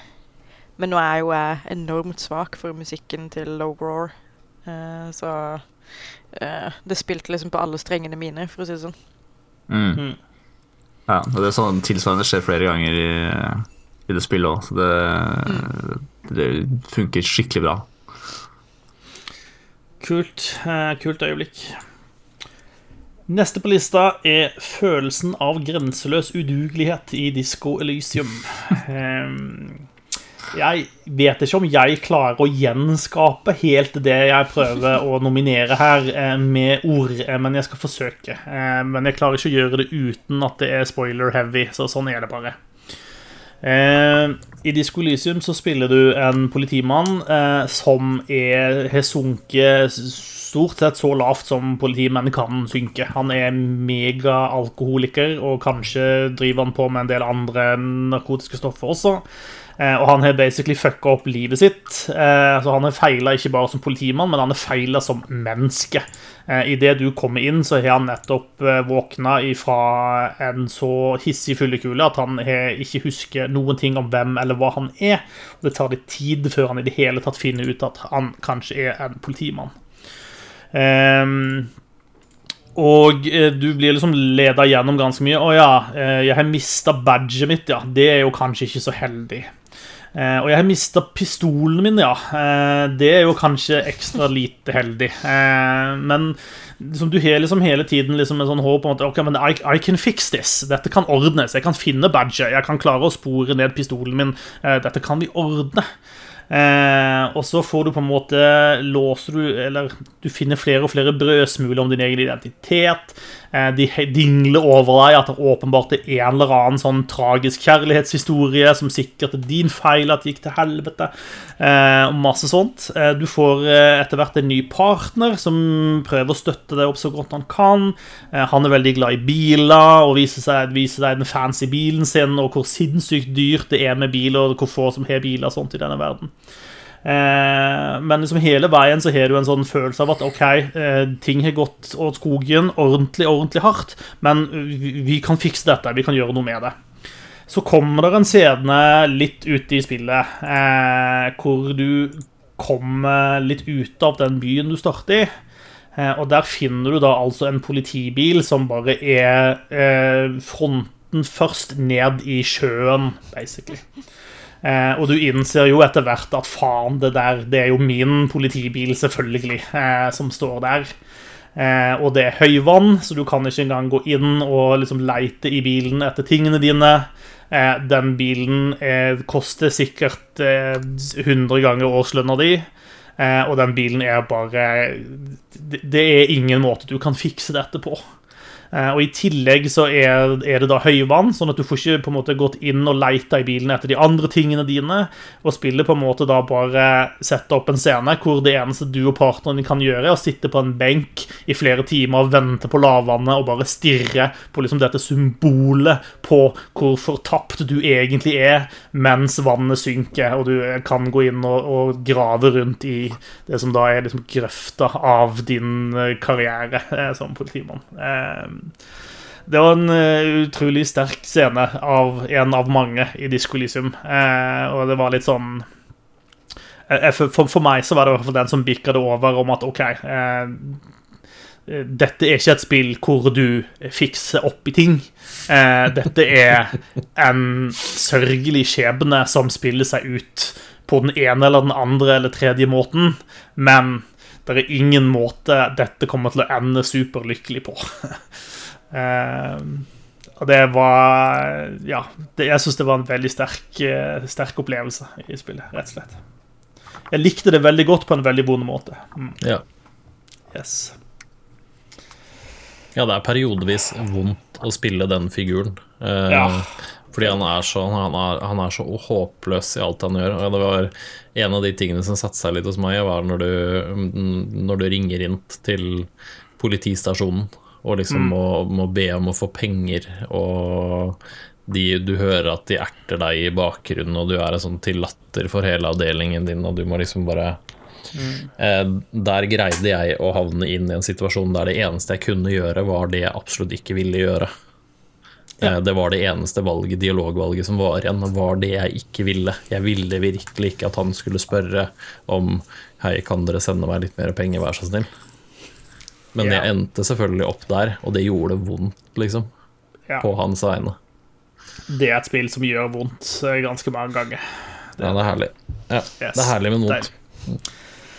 Det neste på lista er ikke fullt så vondt. Eh, det er når eh, Parvati endelig får seg kjæreste i Outer Worlds. Ja. Og det var kanskje egentlig hele den Quest-linja, for så vidt. Det kunne bare stått Parvati, egentlig. Ja. ja, men jeg føler på en måte at det, det er hele den der jakten hennes på, på, kjærlighet som på en måte er definerer henne, da, og er på en måte det som, som virkelig eh, drives it home, da. Yep. Eh, og, og, gjennom Parvati er da en av de karakterene som kan bli med deg på, på oppdragene dine i Outer Worlds. Eh, og hun er en, en mekaniker av noe slag. Hun kan i hvert fall drive og skru på ting. Eh, og er har noen ganske sånn awkward, awkward eh, forsøk på å bli kjent med en annen mekanikerdame, som hun ser veldig opp til. Eh, og du får på en måte en, en lang Quest-linje etter hvert på hvor hun ber deg om hjelp da, til liksom å, å få ordna en date og samle inn de riktige tingene, sånn at det skal bli helt perfekt. og eh, Alt skal liksom være i orden. Eh, og, når, og, og, så går dette sin gang, og så har det en veldig fin payoff Eh, og på en måte Det er no, noe som du sier med karakteren til Parvati som er så sympatisk og så skjønn og deilig. Sånn at når, when, når det endelig på en måte turns out good, så er det utrolig tilfredsstillende. Det er sånn, Man blir skikkelig glad på denne fiksjonelle karakterens vegne, mm. eh, rett og slett. Ja, det, det er veldig, veldig fint, hele greia. Jeg syns også det er veldig fint gjort av Obsidian, fordi akkurat den Quest-linen der sender jo et ganske bra budskap. Fordi ikke bare er Parvati lesbisk, men hun er også aseksuell. Eh, mm. Som er jo si, en gjeng med folk som ofte blir sett på litt som sånn weirdos. Som, som yep. ikke hører hjemme noe sted. Men her viser det jo at det, si, du kan finne kjærlighet selv om du ikke er helt som alle andre, da. Og det syns jeg er dritbra kjærlighet er ikke eh, på en måte en, en fastlåst ting eh, som kan defineres av eh, gamle Hollywood-filmer, på en måte. Mm. Altså, det der er mulighet for kjærlighet for oss alle, rett og slett. Det gir håp i en mørk verden. Nå dro vi det veldig langt, men eh, jeg syns det var på sin plass likevel. Slutten på Gears 5 ja, den er, eh, den er bra, ass. Den er intens. Holy shit. Do tell. Ja, ja. Nei, noen andre må gjøre det. Eh, Ja, noen, noen har nominert den på lista. Hvem har satt den på lista? Jeg husker Det kan ha vært meg. Jeg mener i hvert fall at den uh, hører hjemme her. Ehm, man har jo jagd øh, Eller jagd og jagd Man har nå kjempa mot uh, Selokustene rundt omkring i øh, diverse landskap, og ender til slutt i en by jeg vet ikke hva det heter. Um, Hvor det blir hvor det, det er masse, masse intense kamper og i litt, noen sånn trange områder og noen litt sånn større områder hvor uh, uh, Hvor du er sånn, står i fare for å bli flanka, og da kommer usynlige fiender og uh, Ja, shit is going down, yo. Um, og så kommer jo selvfølgelig hun uh, Locust-dronninga um, kommer, og um, jeg husker ikke liksom helt omstendighetene her, men uh, det, er liksom, det, det skjedde så jækla mye og under hele Ja. sekvensen. Jeg tror ikke jeg blunka en eneste gang. Så det er liksom Det er litt en blur. Men uh, hun sender jo den derre ormen sin på, uh, som, Ja. som dukker opp tidligere i spillet. eh, sender hun jo på vår gjeng med helter. Og det er liksom Alt står liksom på spill, fordi de står utenfor eh, portene da, til eh, hovedstaden, er det vel, hvor basically nesten alle de gjenlevende menneskene fins. Eh, Mm. Og må ta en sånn siste stand og bare gi alt de har, og håpe på at det de har å gi, er nok. Eh, og så viser det seg jo egentlig at det er ikke det, fordi noen må jo ofre seg. Mm. Mm. Og det er, det, det, det er en veldig kul scene. Og der får du som spiller eh, et valg å ta. Eh, ja, det er litt tidligere, tidligere i spillet, så det er jo flere som ofrer seg, faktisk. Eh, Ja. På det ene ja, punktet det er for så vidt det første valget jeg har sikta til uh, når jeg har dokumentert her. Ja, det Mm. valget er jo helt jævlig. Ja. Fordi hun Locust-dronninga får tak i to av uh, uh, Si vennene. To av medsoldatene. Eh, den ene er uh, han Phoenix jr. JD. Ja. Og den andre er Jeg fant ikke husker navnet hans. Um, Å, herregud. Marcus Phoenix. Nei, det er ikke Marcus. Uh, det er i hvert fall han, han som har vært med deg hele veien. Ja, hva sa du? Del. Del. Ja, det er nok riktig. Mm. Som har vært med hele veien. Eh, de blir begge tatt i eh, Hun eh, dronninga bruker Det er vel noen tentakelgreier eller noe sånt, så hun tar og løfter de to etter strupen. Mm. og du har én kniv å kaste på en av tentaklene. Og du kan kun redde én av de. Og det er ikke lett. Nei, det er det ikke. Den, er, den var kjip. Den var skikkelig kjip. Og veldig Eh, men, men Ja, Ja. og samtidig ganske kul, egentlig, Mm. syns jeg. Og så kan du ikke gjøre en sånn cop-out sånn som de gjør i en av de, andre, en av de sånn gamle Batman-filmene. Eh, hvor sånn I had to save them both. Uh, not because I yeah, Not because I want to, but because I have to. Eller et eller annet sånt. Ja. Eh, du må faktisk Du blir tvunget til å ta et valg. Eh, som egentlig er litt Det er litt teit, på en måte, eh, at det blir sånn. Eh, for det føles litt sånn kunstig, men samtidig så tvinger det deg til å eh, Det er ikke veldig mange eh, Du har veldig lite agency da på historien i Gears of War-serien i det hele tatt. Eh, men når du plutselig får det, så er det veldig overraskende, og det treffer veldig hardt. Så de, de brukte det til sin fordel, da, syns jeg. Ja. Så jeg, vi valgte å redde Mm. Samme her. Um, vi kunne jo forutse at det vil treffe Gears of War sin hovedperson, Marcus Phoenix, ganske tøft. Og det, det var ikke bare lett, heller. Det var vondt, ass. Det var skikkelig Eh, vondt. Ja, vi valgte å redde Dale, for han har vært med Han har jo vært ved vår side i hele gjennomspillinga av femmeren. Ja, jeg, jeg valgte det samme. Men godt jobba Gears 5-teamet å gjøre Fas til en likende fyr. Ja. Ja. Den hadde jeg ikke sett komme. ass. Generelt jeg syns de har gjort kjempegod jobb med Gears 5. Eh, jeg har hatt eh, Siden Gears 2 så har jeg egentlig brydd meg ganske lite om karakterene i de spillene. Men eh, Gears 5 syns jeg gjør en kjempejobb på, på den tingene. Mm. Virkelig. Jepp. Ja, men bra. Um, starten på Ukulele and The Impossible Air. Yes. Uh, Det spillet jeg satt og spilte litt i romjula. Um, og i eh, starten der så hives du rett inn i The Impossible Lair.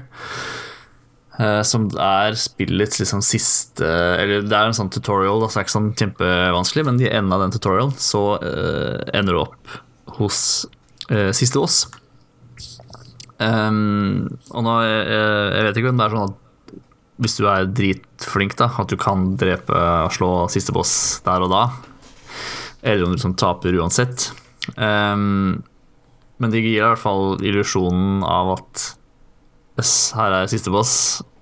Uh, du må ta han. Det klarte jeg ikke, selvfølgelig, så da blir du kasta ut, og liksom, spillet begynner. da Så du er i en sånn hoved... uh, en sånn hub-verden, og så må du inn i uh, andre mindre verdener for å eh, redde bier som skal fungere som et eh, skjold da i denne siste fighten mot Capital B, som siste boss er Eh, og som sagt, jeg vet ikke om det faktisk går å bekjempe siste boss uh, med en gang, og så uh, Det var det, spillet er ferdig nå er etter seks minutter. Men det var bare så kult å i hvert fall få den følelsen da, av at du har allerede spilt mot Eller prøvd deg mot siste boss. Jeg har lyst til å si at det skjer i andre spill også. Det gjør det sikkert.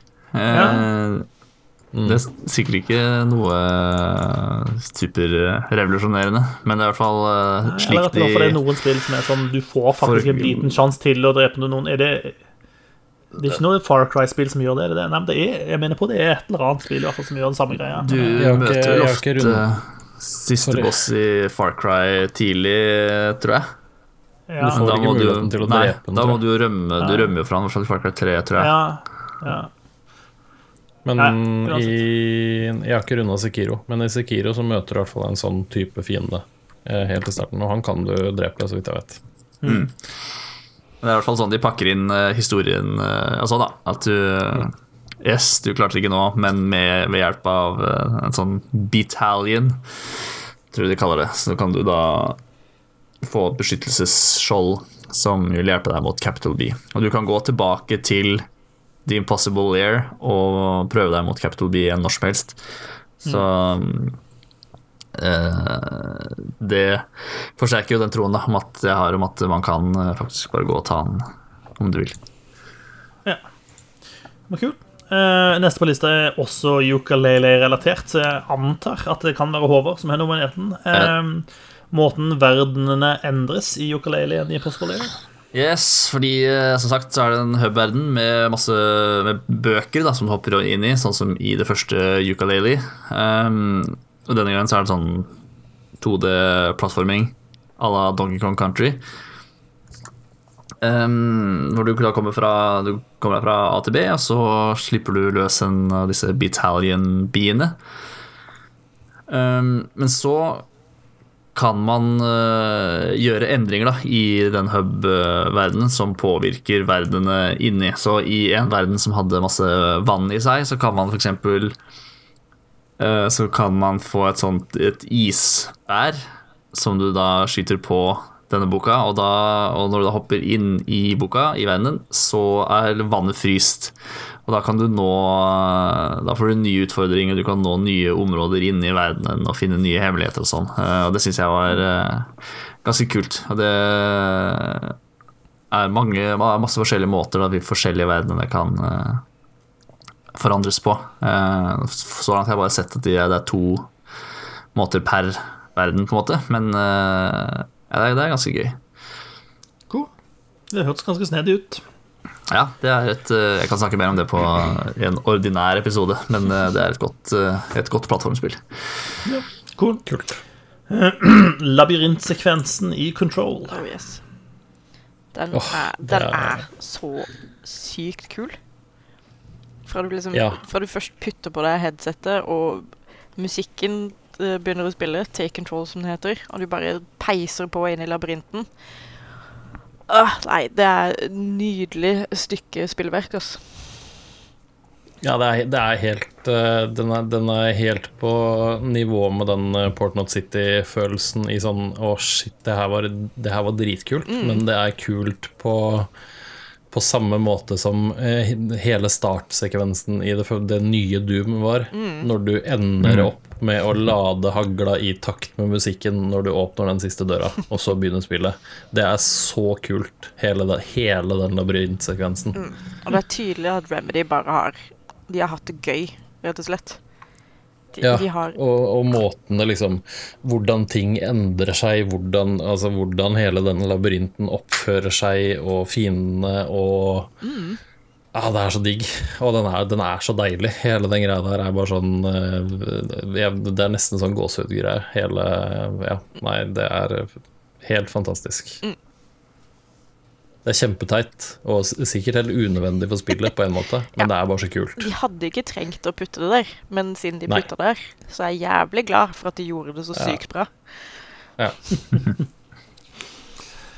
Cool. Å oppdage en horde i Days Gone. Ja, jeg har vært litt inne på det allerede, men uh, det er særlig én sånn horde som uh, stikker seg ut av de jeg har uh, funnet. Og da, da var jeg bare ute og cruisa på motorsykkelen min midt på lyse dagen. Da er det færre zombier ute, og altså tryggere. Um, og så fant jeg et eh, lite vann, og så fulgte jeg det liksom langs vannkanten, og der var det en, eh, en hule. Uh, som var, uh, var veldig mørk, men det var liksom akkurat nok lys da, til at jeg kunne se uh, hvor jeg satte beina mine. Så hører jeg litt sånn lyder sånn eh, innerst, eh, eller fra lenger inn. Um, og når jeg runder en sving, så er det en litt sånn skråning eh, ned. Hvor jeg hører det sånn, kommer noen zombier opp fra. Så tenkte jeg ja, ja, det høres ikke ut som det er så mange. Så jeg begynner å slå, slå på de som er nærmest meg. Og så kommer det bare to til og to til og to til, og to til, og så skjønner jeg oh shit, da er jeg midt i tjukkeste trøbbelet. Og da var det måtte jeg prøve å finne veien ut, da, i bekmørkt. Um, jeg kan avsløre så mye, at det klarte jeg ikke. Uh, så der ble jeg overfalt og zombiemat. Men det var uh, Ja, det var en sånn følelse av hvor jeg, hvor jeg først følte jeg var, hadde kontroll, og så bare forsvant all den kontrollen eh, veldig fort. eh, og ble til eh, ren panikk i stedet. Det var bare sånn det føler, den der, eh, eh, kontrasten mellom å ha, føle at du har kontroll og så eh, panikk, er, eh, var ganske moro. Det er stort sett sånn jeg har det i alle snikespill. Eh, Ja. hvor jeg føler at jeg har sykt kontroll, og så med en gang jeg blir oppdraga, så er det full panikk. Ja.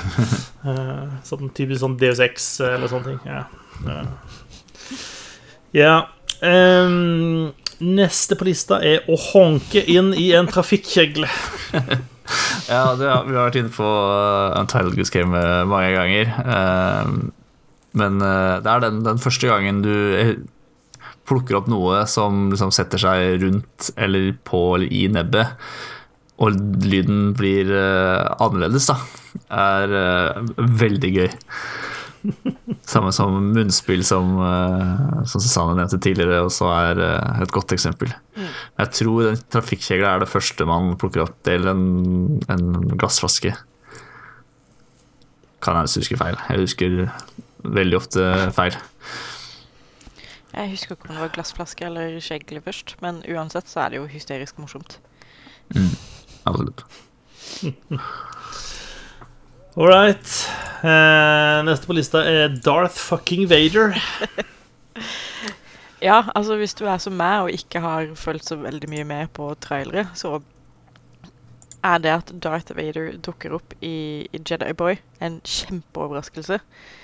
Eh, som er sykt kul, fordi den kommer på et veldig intenst tidspunkt. Hvor du har brukt dritmye tid på å kjempe mot uh, Second Sister. Eh, og når du vinner og tror du er ferdig og kan feire, så så kommer Darth Vader og dukker Daddy's home. Ja, og bare Det som er så, det som er så kult, da, det som viser litt hvor, hvor mye sånn lyddesign har å si, det er at det liksom når du har gjort det der, og så er det stille, og så hører du bare at den der pustegreia begynner. Som all, alle i hele verden, uansett om du har sett Star Wars eller hater Star Wars, så vet du. Alle vet hvem som puster sånn. Og at det liksom begynner med det. At du liksom hører 'Å, shit, er det sant?' liksom. Det er liksom Enten så er det en pug, eller så er det Darth Vader. Og mest sannsynlig Ja. så er det Darth Vader. Ikke sant? Ja, altså, ja. Men så det får litt ekstra styrke også i det eh, i, I løpet av hele dette spillet så er det relativt få karakterer du møter som er veldig sånn inkorporert i law. da. Eh, du møter Saw Gerrera og litt sånne ting, men eh, stort sett så er det på en måte mm, Fiendene du møter, er skapt for dette spillet. Eh, for du skal jo kunne gjøre slutt på dem. Eh, og når Ja. Darth Vader dukker opp, så vet du at du, eh, du kommer ikke til å ta livet av Darth Darth Vader. Det, det skjer jo ikke. Eh, så det er, er det noen måter du kan komme fra dette på en god måte i det hele tatt? Det, det er liksom the raise the bar, det, det er ekstra, da. Eh, ja. Så du må jo bare liksom legge beina på nakken og, og, og gite deg selv ut derifra. Og er, liksom... Ja, så liksom, er det så kult, da, for måten han liksom For du har jo med deg da en av de, de kompanjongene som du har blitt ganske glad i i løpet av spillet. Mm. Som da liksom Å, shit, nå jeg skal prøve å ta han. Eh, bare slapp av. Og så, så casual som han bare Nei, flytt deg, liksom. Bort med deg. herregud. Det er liksom så du, du blir så liten når han kommer der. ja. Og det er, det er- sånn det er som, veldig eh, kult. Det er på samme måte som når, når han dukker opp helt på slutten i Rogue One. Eh, og det er jo Mm. da han er på sitt mest skrekkinngytende, på en måte. Det er i Rogue One, Mm. og det er her i Jedi Boy. Han er bare Han er så bøs, og det er så skummelt. Eh, så det er jo det beste du kan gjøre, er å bare løpe og aldri se deg tilbake, liksom. Det er veldig kult. Ta en Simba, som det heter. Mm. Ta en Simba. Øh, ja, nei, det, det er jo nesten litt urettferdig, for eh, Darth Vader er jo en av de beste filmskurkene noensinne. eh, Og det er liksom bare droppe han inn i et dataspill. eh, Det Ja. Det må jo bli awesome, på en måte. Mm. Åh, nei, enig. Uh, Timeskippen i Fire Emblem. Ja. Uh, Fire Emblem er et eh, spill som står meg nært i hjertet. Uh, det hadde jeg aldri trodd jeg skulle si for et år siden. Men jeg hadde ikke trodd jeg skulle si det om Monster Hunter for to år siden heller. Så ja, tidene forandrer seg. Du Men- vokser som person. Ja. Man vokser som person og liker rarere og rarere ting. Men det er eh, Og det, jeg tror det her er en ting som er ganske vanlig i Fire Emblem-verdenen. At de gjør det på den måten her, med timeskips og sånn. Men det blir Det er veldig, det er veldig kult, og det er veldig effektfullt, syns jeg, i det nye Fire Emblem. For her er du Altså, du er jo lærer til du får én klasse av tre hus, altså det- er derfor spillet heter det det heter. Eh, og det ene huset hører du liksom litt mer til, men du har allikevel eh, du, du lærer alle de andre husene også å kjenne. Og alle de andre elevene. Noen av de kan du få over til din side eller til din klasse. Andre eh, holder seg på en måte til husene sine. Og så kommer denne timeskipen når den gjør, og det som har skjedd i spillet, da, og hvordan, hvordan det har påvirka eh, alle, alle de figurene rundt deg som du liksom har vært en, en tillitsperson til, og, og hvordan de liksom eh, føler seg sveket, eller, eller hva det nå måtte være. Og, og hvor, liksom, hvor hardt det har gått inn på noen av de, den er veldig, den er veldig effektfull og veldig, veldig tøff og veldig bra skrevet. Og det er veldig rart å si i et sånt spill som periodevis er litt sånn teit i måten å liksom fremstille ting på, så er det veldig Det er veldig nyansert og veldig mye dybde der. Så den er den er veldig effektfull. I hvert fall den første gangen den kommer, når du liksom ikke helt vet når det skjer og, og, og hva som skjer. Og hva som skjer med husene og folkene du kjenner og alt mulig sånn. Den den er bare veldig kul. Jeg syns det er veldig, veldig tøft og veldig bra skrevet og veldig det er ingenting som skjer under den timeskipen som jeg ikke på en måte føler at spillet har fortalt deg at kommer til å skje. Altså de, de figurene gjør de rette tingene ut fra sånn jeg kjenner de, da. Mm. Og det er veldig bra. Kult. Ja, jeg ville bare si det. Jeg kom på det nå helt til siste liten. Planlagt i lang tid. eh, Yes. Altså. Da er vi kommet til enden av lista, og vi skal prøve å, å kåre en vinner. Eller i hvert fall finne de tre vi ønsker å ha på toppen her. Jeg syns kanskje denne kategorien er den vanskeligste. eh, Fordi det er liksom ingen objektiv Ingen måte å gjøre noen objektiv vurdering. Her er det på en måte ens subjektive opplevelse, eh, mer eller mindre, vi sitter og vurderer, da. Ja, her er jo alle vinnere. Ja, det er jo faktisk så. Men noen vinner mer enn andre. Sånn er det jo. Eh, Ja. Det virker Ja. som slutten på Gears 5 er noe som har satt uh, preg på flere av oss. Skal vi, uh, skal, skal vi prøve å begynne i motsatt ende? Skal vi begynne okay. å stryke? Okay. Skal vi gjøre det? Ja. Jeg, jeg foreslår å stryke uh, honket inn i en trafikkjeger. Det er en kul greie, men jeg føler ikke at det er noe som berørte meg på et emosjonelt nivå. Eh, Nei, den har til liksom en sånn ikke, grad. ikke samme slagkraft som de andre scenene her, vil jeg påstå. Nei. Eh, Noen andre som vil, vil ofre noe opp til strykgudene? strykegudene? Jeg kan ta de to ukulele-tingene for min del. Det er vel bare jeg som har vært innom det, så det er kanskje ikke store protestene. Nei. Jeg har heller ikke spilt Days Gone eller Fire, Emblem, så jeg kan liksom ikke si så mye om de. Nei. Um, jeg tror vel kanskje både Days Gone og Fire Emblem ryker her i, i Satt opp mot de andre, dessverre. Eh, jeg, Jeg har har også opplevd, litt følelsen av det. jeg har opplevd begge to. Uh, og hordene i Days Gone er, de er fæle, de, men ja. Jeg tror kanskje også Darth Vader kan gå. Sammenligna med det som er igjen. Jeg mener ja, altså hvis det står mellom Darth Vader og labyrinten, så vinner labyrinten hver gang. Å ja, helt klart. Men Så- hva om Darth Vader var i labyrinten? Åh, Da, oh, fy faen. da hadde jeg slått av spillet, bare. Det hadde blitt for mye, det. Ja, det er jo greit. Vi stryker Darth Vader. Eh, nå begynner det å bli veldig vanskelig. Eh, hva, hvor hardt eh, føler folk for å beholde Parvati i Outer Worlds? Ja. Jeg føler det har en I hvert fall uh, Portnot City. Oi. OK, da blir det vanskelig igjen.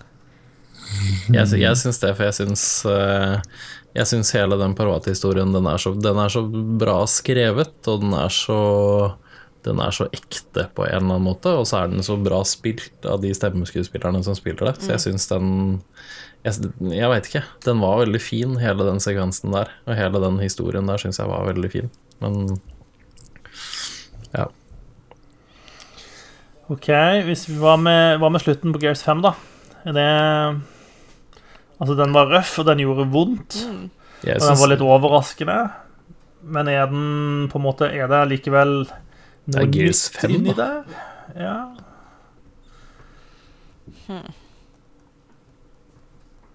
For min del så kan vi gjerne kutte den, for den har ikke jeg sett ennå. Ja, jeg har ikke spilt Disco Elysium, så for min del så kan vi kutte den. mm, ikke sant. Det, dette er en problemstilling vi kommer til å komme opp med mye eh, i dag to eh, av Game of the Year. Det kan jeg bare si. Eh,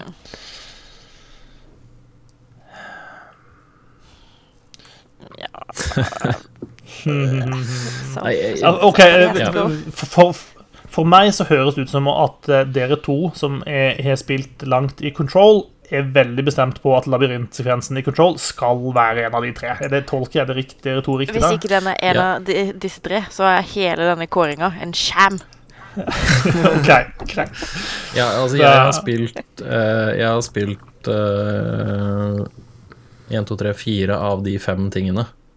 Mm. Har jeg opplevd, og jeg setter labyrintsekvensen øverst av alle de. Ja, men det, da, da tror jeg vi tar og dytter den inn blant de tre Ja. eh, på toppen. Yes. Da står vi igjen med eh, de følgende fire. Eh, når du runder knausen og ser ned på Port Not City for første gang, følelsen av grenseløs udugelighet i Disco Elysium, eh, når Parvati endelig får seg kjæreste i Outer Worlds, og slutten på Gears 5. Jeg tror kanskje jeg òg vil gå for uh, Outer Worlds, altså. Til fordel for Death Stranding og kanskje Gears 5. Fordi er Håvard? veldig fint skrevet. Eh, ja, av de som er igjen nå, da, så har ikke jeg spilt uh, Disco Elysium. Um, enn jeg uh, tror jeg foretrekker eh, både Port Not City og Gears 5 over Parvati. Men hva faen? Nå ødelegger du alt her. Ja. Vi må ha en tiebreaker. Ja, vi må ha en tiebreaker. Uh, nei, det- nei, det er ikke så Nei. Hater du kjærlighet? Er det det som er greia? Ja, følelsesløs. Kan vi ikke bare utvide til femma, og så kan vi bare si at uh, labyrinten vinner, og så har vi fire, fire nummer to? No cop-outs. Vi skal ikke gjøre som gamle Batman. Vi skal gjøre som Gears og ta de vanskelige valgene. Yes. Mm.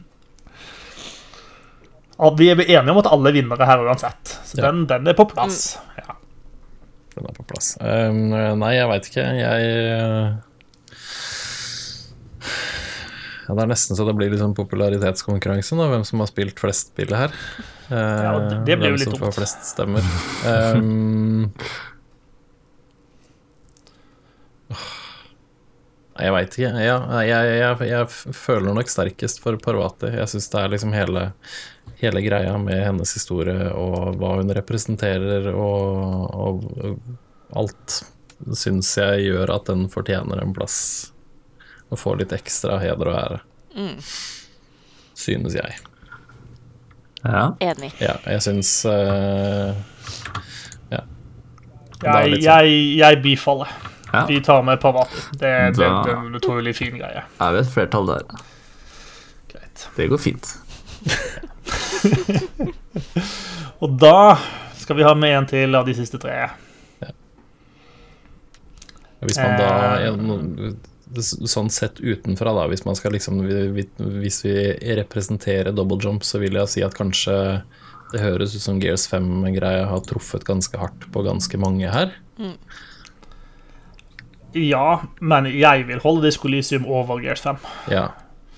Eh, Jeg syns at den Den delen av Disco Elysium traff meg hardere enn det slutten på Gears 5 gjorde. Det syns jeg. Sjøl om eh, det å se barske Marcus Phoenix svelge sine tunge mannetåre eh, gjorde ordentlig vondt, det også. Ja, så where does that leave us? Blir Portnott, da. Ja, det er veldig diplomatisk. Veldig diplomatisk å ta den isteden. Og ikke velge mellom de andre. Jeg har ikke spilt, på, eh, spilt det spillet, så det har ikke jeg noe å si på. Men hvis dere tre som har spilt, det, sier det, så er det flertall, og da bøyer jeg meg. Ja, altså vi har jo sagt det. Ja, ja. Den, eh, akkurat den sitter vel, eh, sitter vel ganske støpt hos alle sammen her. Akkurat den. Det er, et veldig, det er et veldig fint øyeblikk som man bare må prate om. Det passer veldig bra til det vi, til det vi driver med nå. Det gjør det, altså. Jeg er enig i det. Ja. De, de, de, det, deres beskrivelse gir meg også litt sånn assosiasjoner til um, noen sånn tidligere Betesta-spill. Sånn eh, hvor Ja. du kommer ut eh, av fangehula for første gang og får se ut eh, på verden og byen og alt sånt. eh, det Mm, dette kan bli ditt. Ja, sånn. Eh, nå var vi på Løvens konge igjen. Eh, Passer veldig bra. en dag, Simba. Ja, Ja. greit. Og er det sånn å forstå at da vinner labyrintsekvensen, da, eller? Ja Ja, den er Jeg, jeg, ja. jeg syns eh, den er bare Den er så kul, hele den greia. Mm. Den er Ja. det. Og der, det, var, det var det ene stedet hvor jeg ikke brydde meg noe særlig om at jeg måtte uh, ha et checkpoint som var litt for langt bak, egentlig. Men der var det helt greit, for da fikk jeg gjøre det en gang til. Det er greit. Da tror jeg vi sier det sånn. Da var altså de siste nominerte Det var Når du runder knausen og ser ned på Portnat City for første gang, Når Pavati endelig får seg kjæreste i Outer Worlds, og vinneren labyrintsekvensen i Control. Yes. Så hurra, folkens. Vi er offisielt ferdig med dag én av Game of the Year. Eh, Det tok bare skal vi ta en- tre timer, nesten.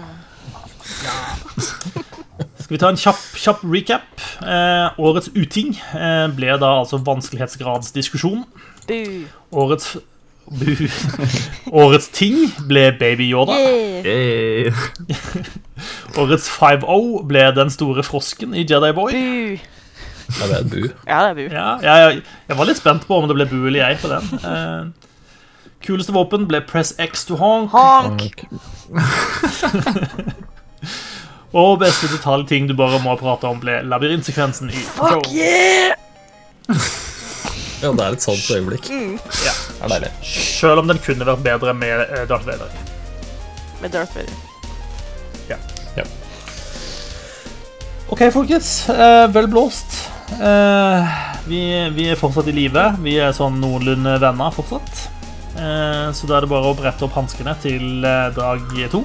Det blir gøy. Jeg gleder meg. Åh, Masse jeg er sliten allerede, så det blir spennende. Da tror jeg without further ado vi sier takk for nå, eh, og på gjenhør rimelig plutselig. Hei så lenge. Adjø. Ha det. Ha det bra.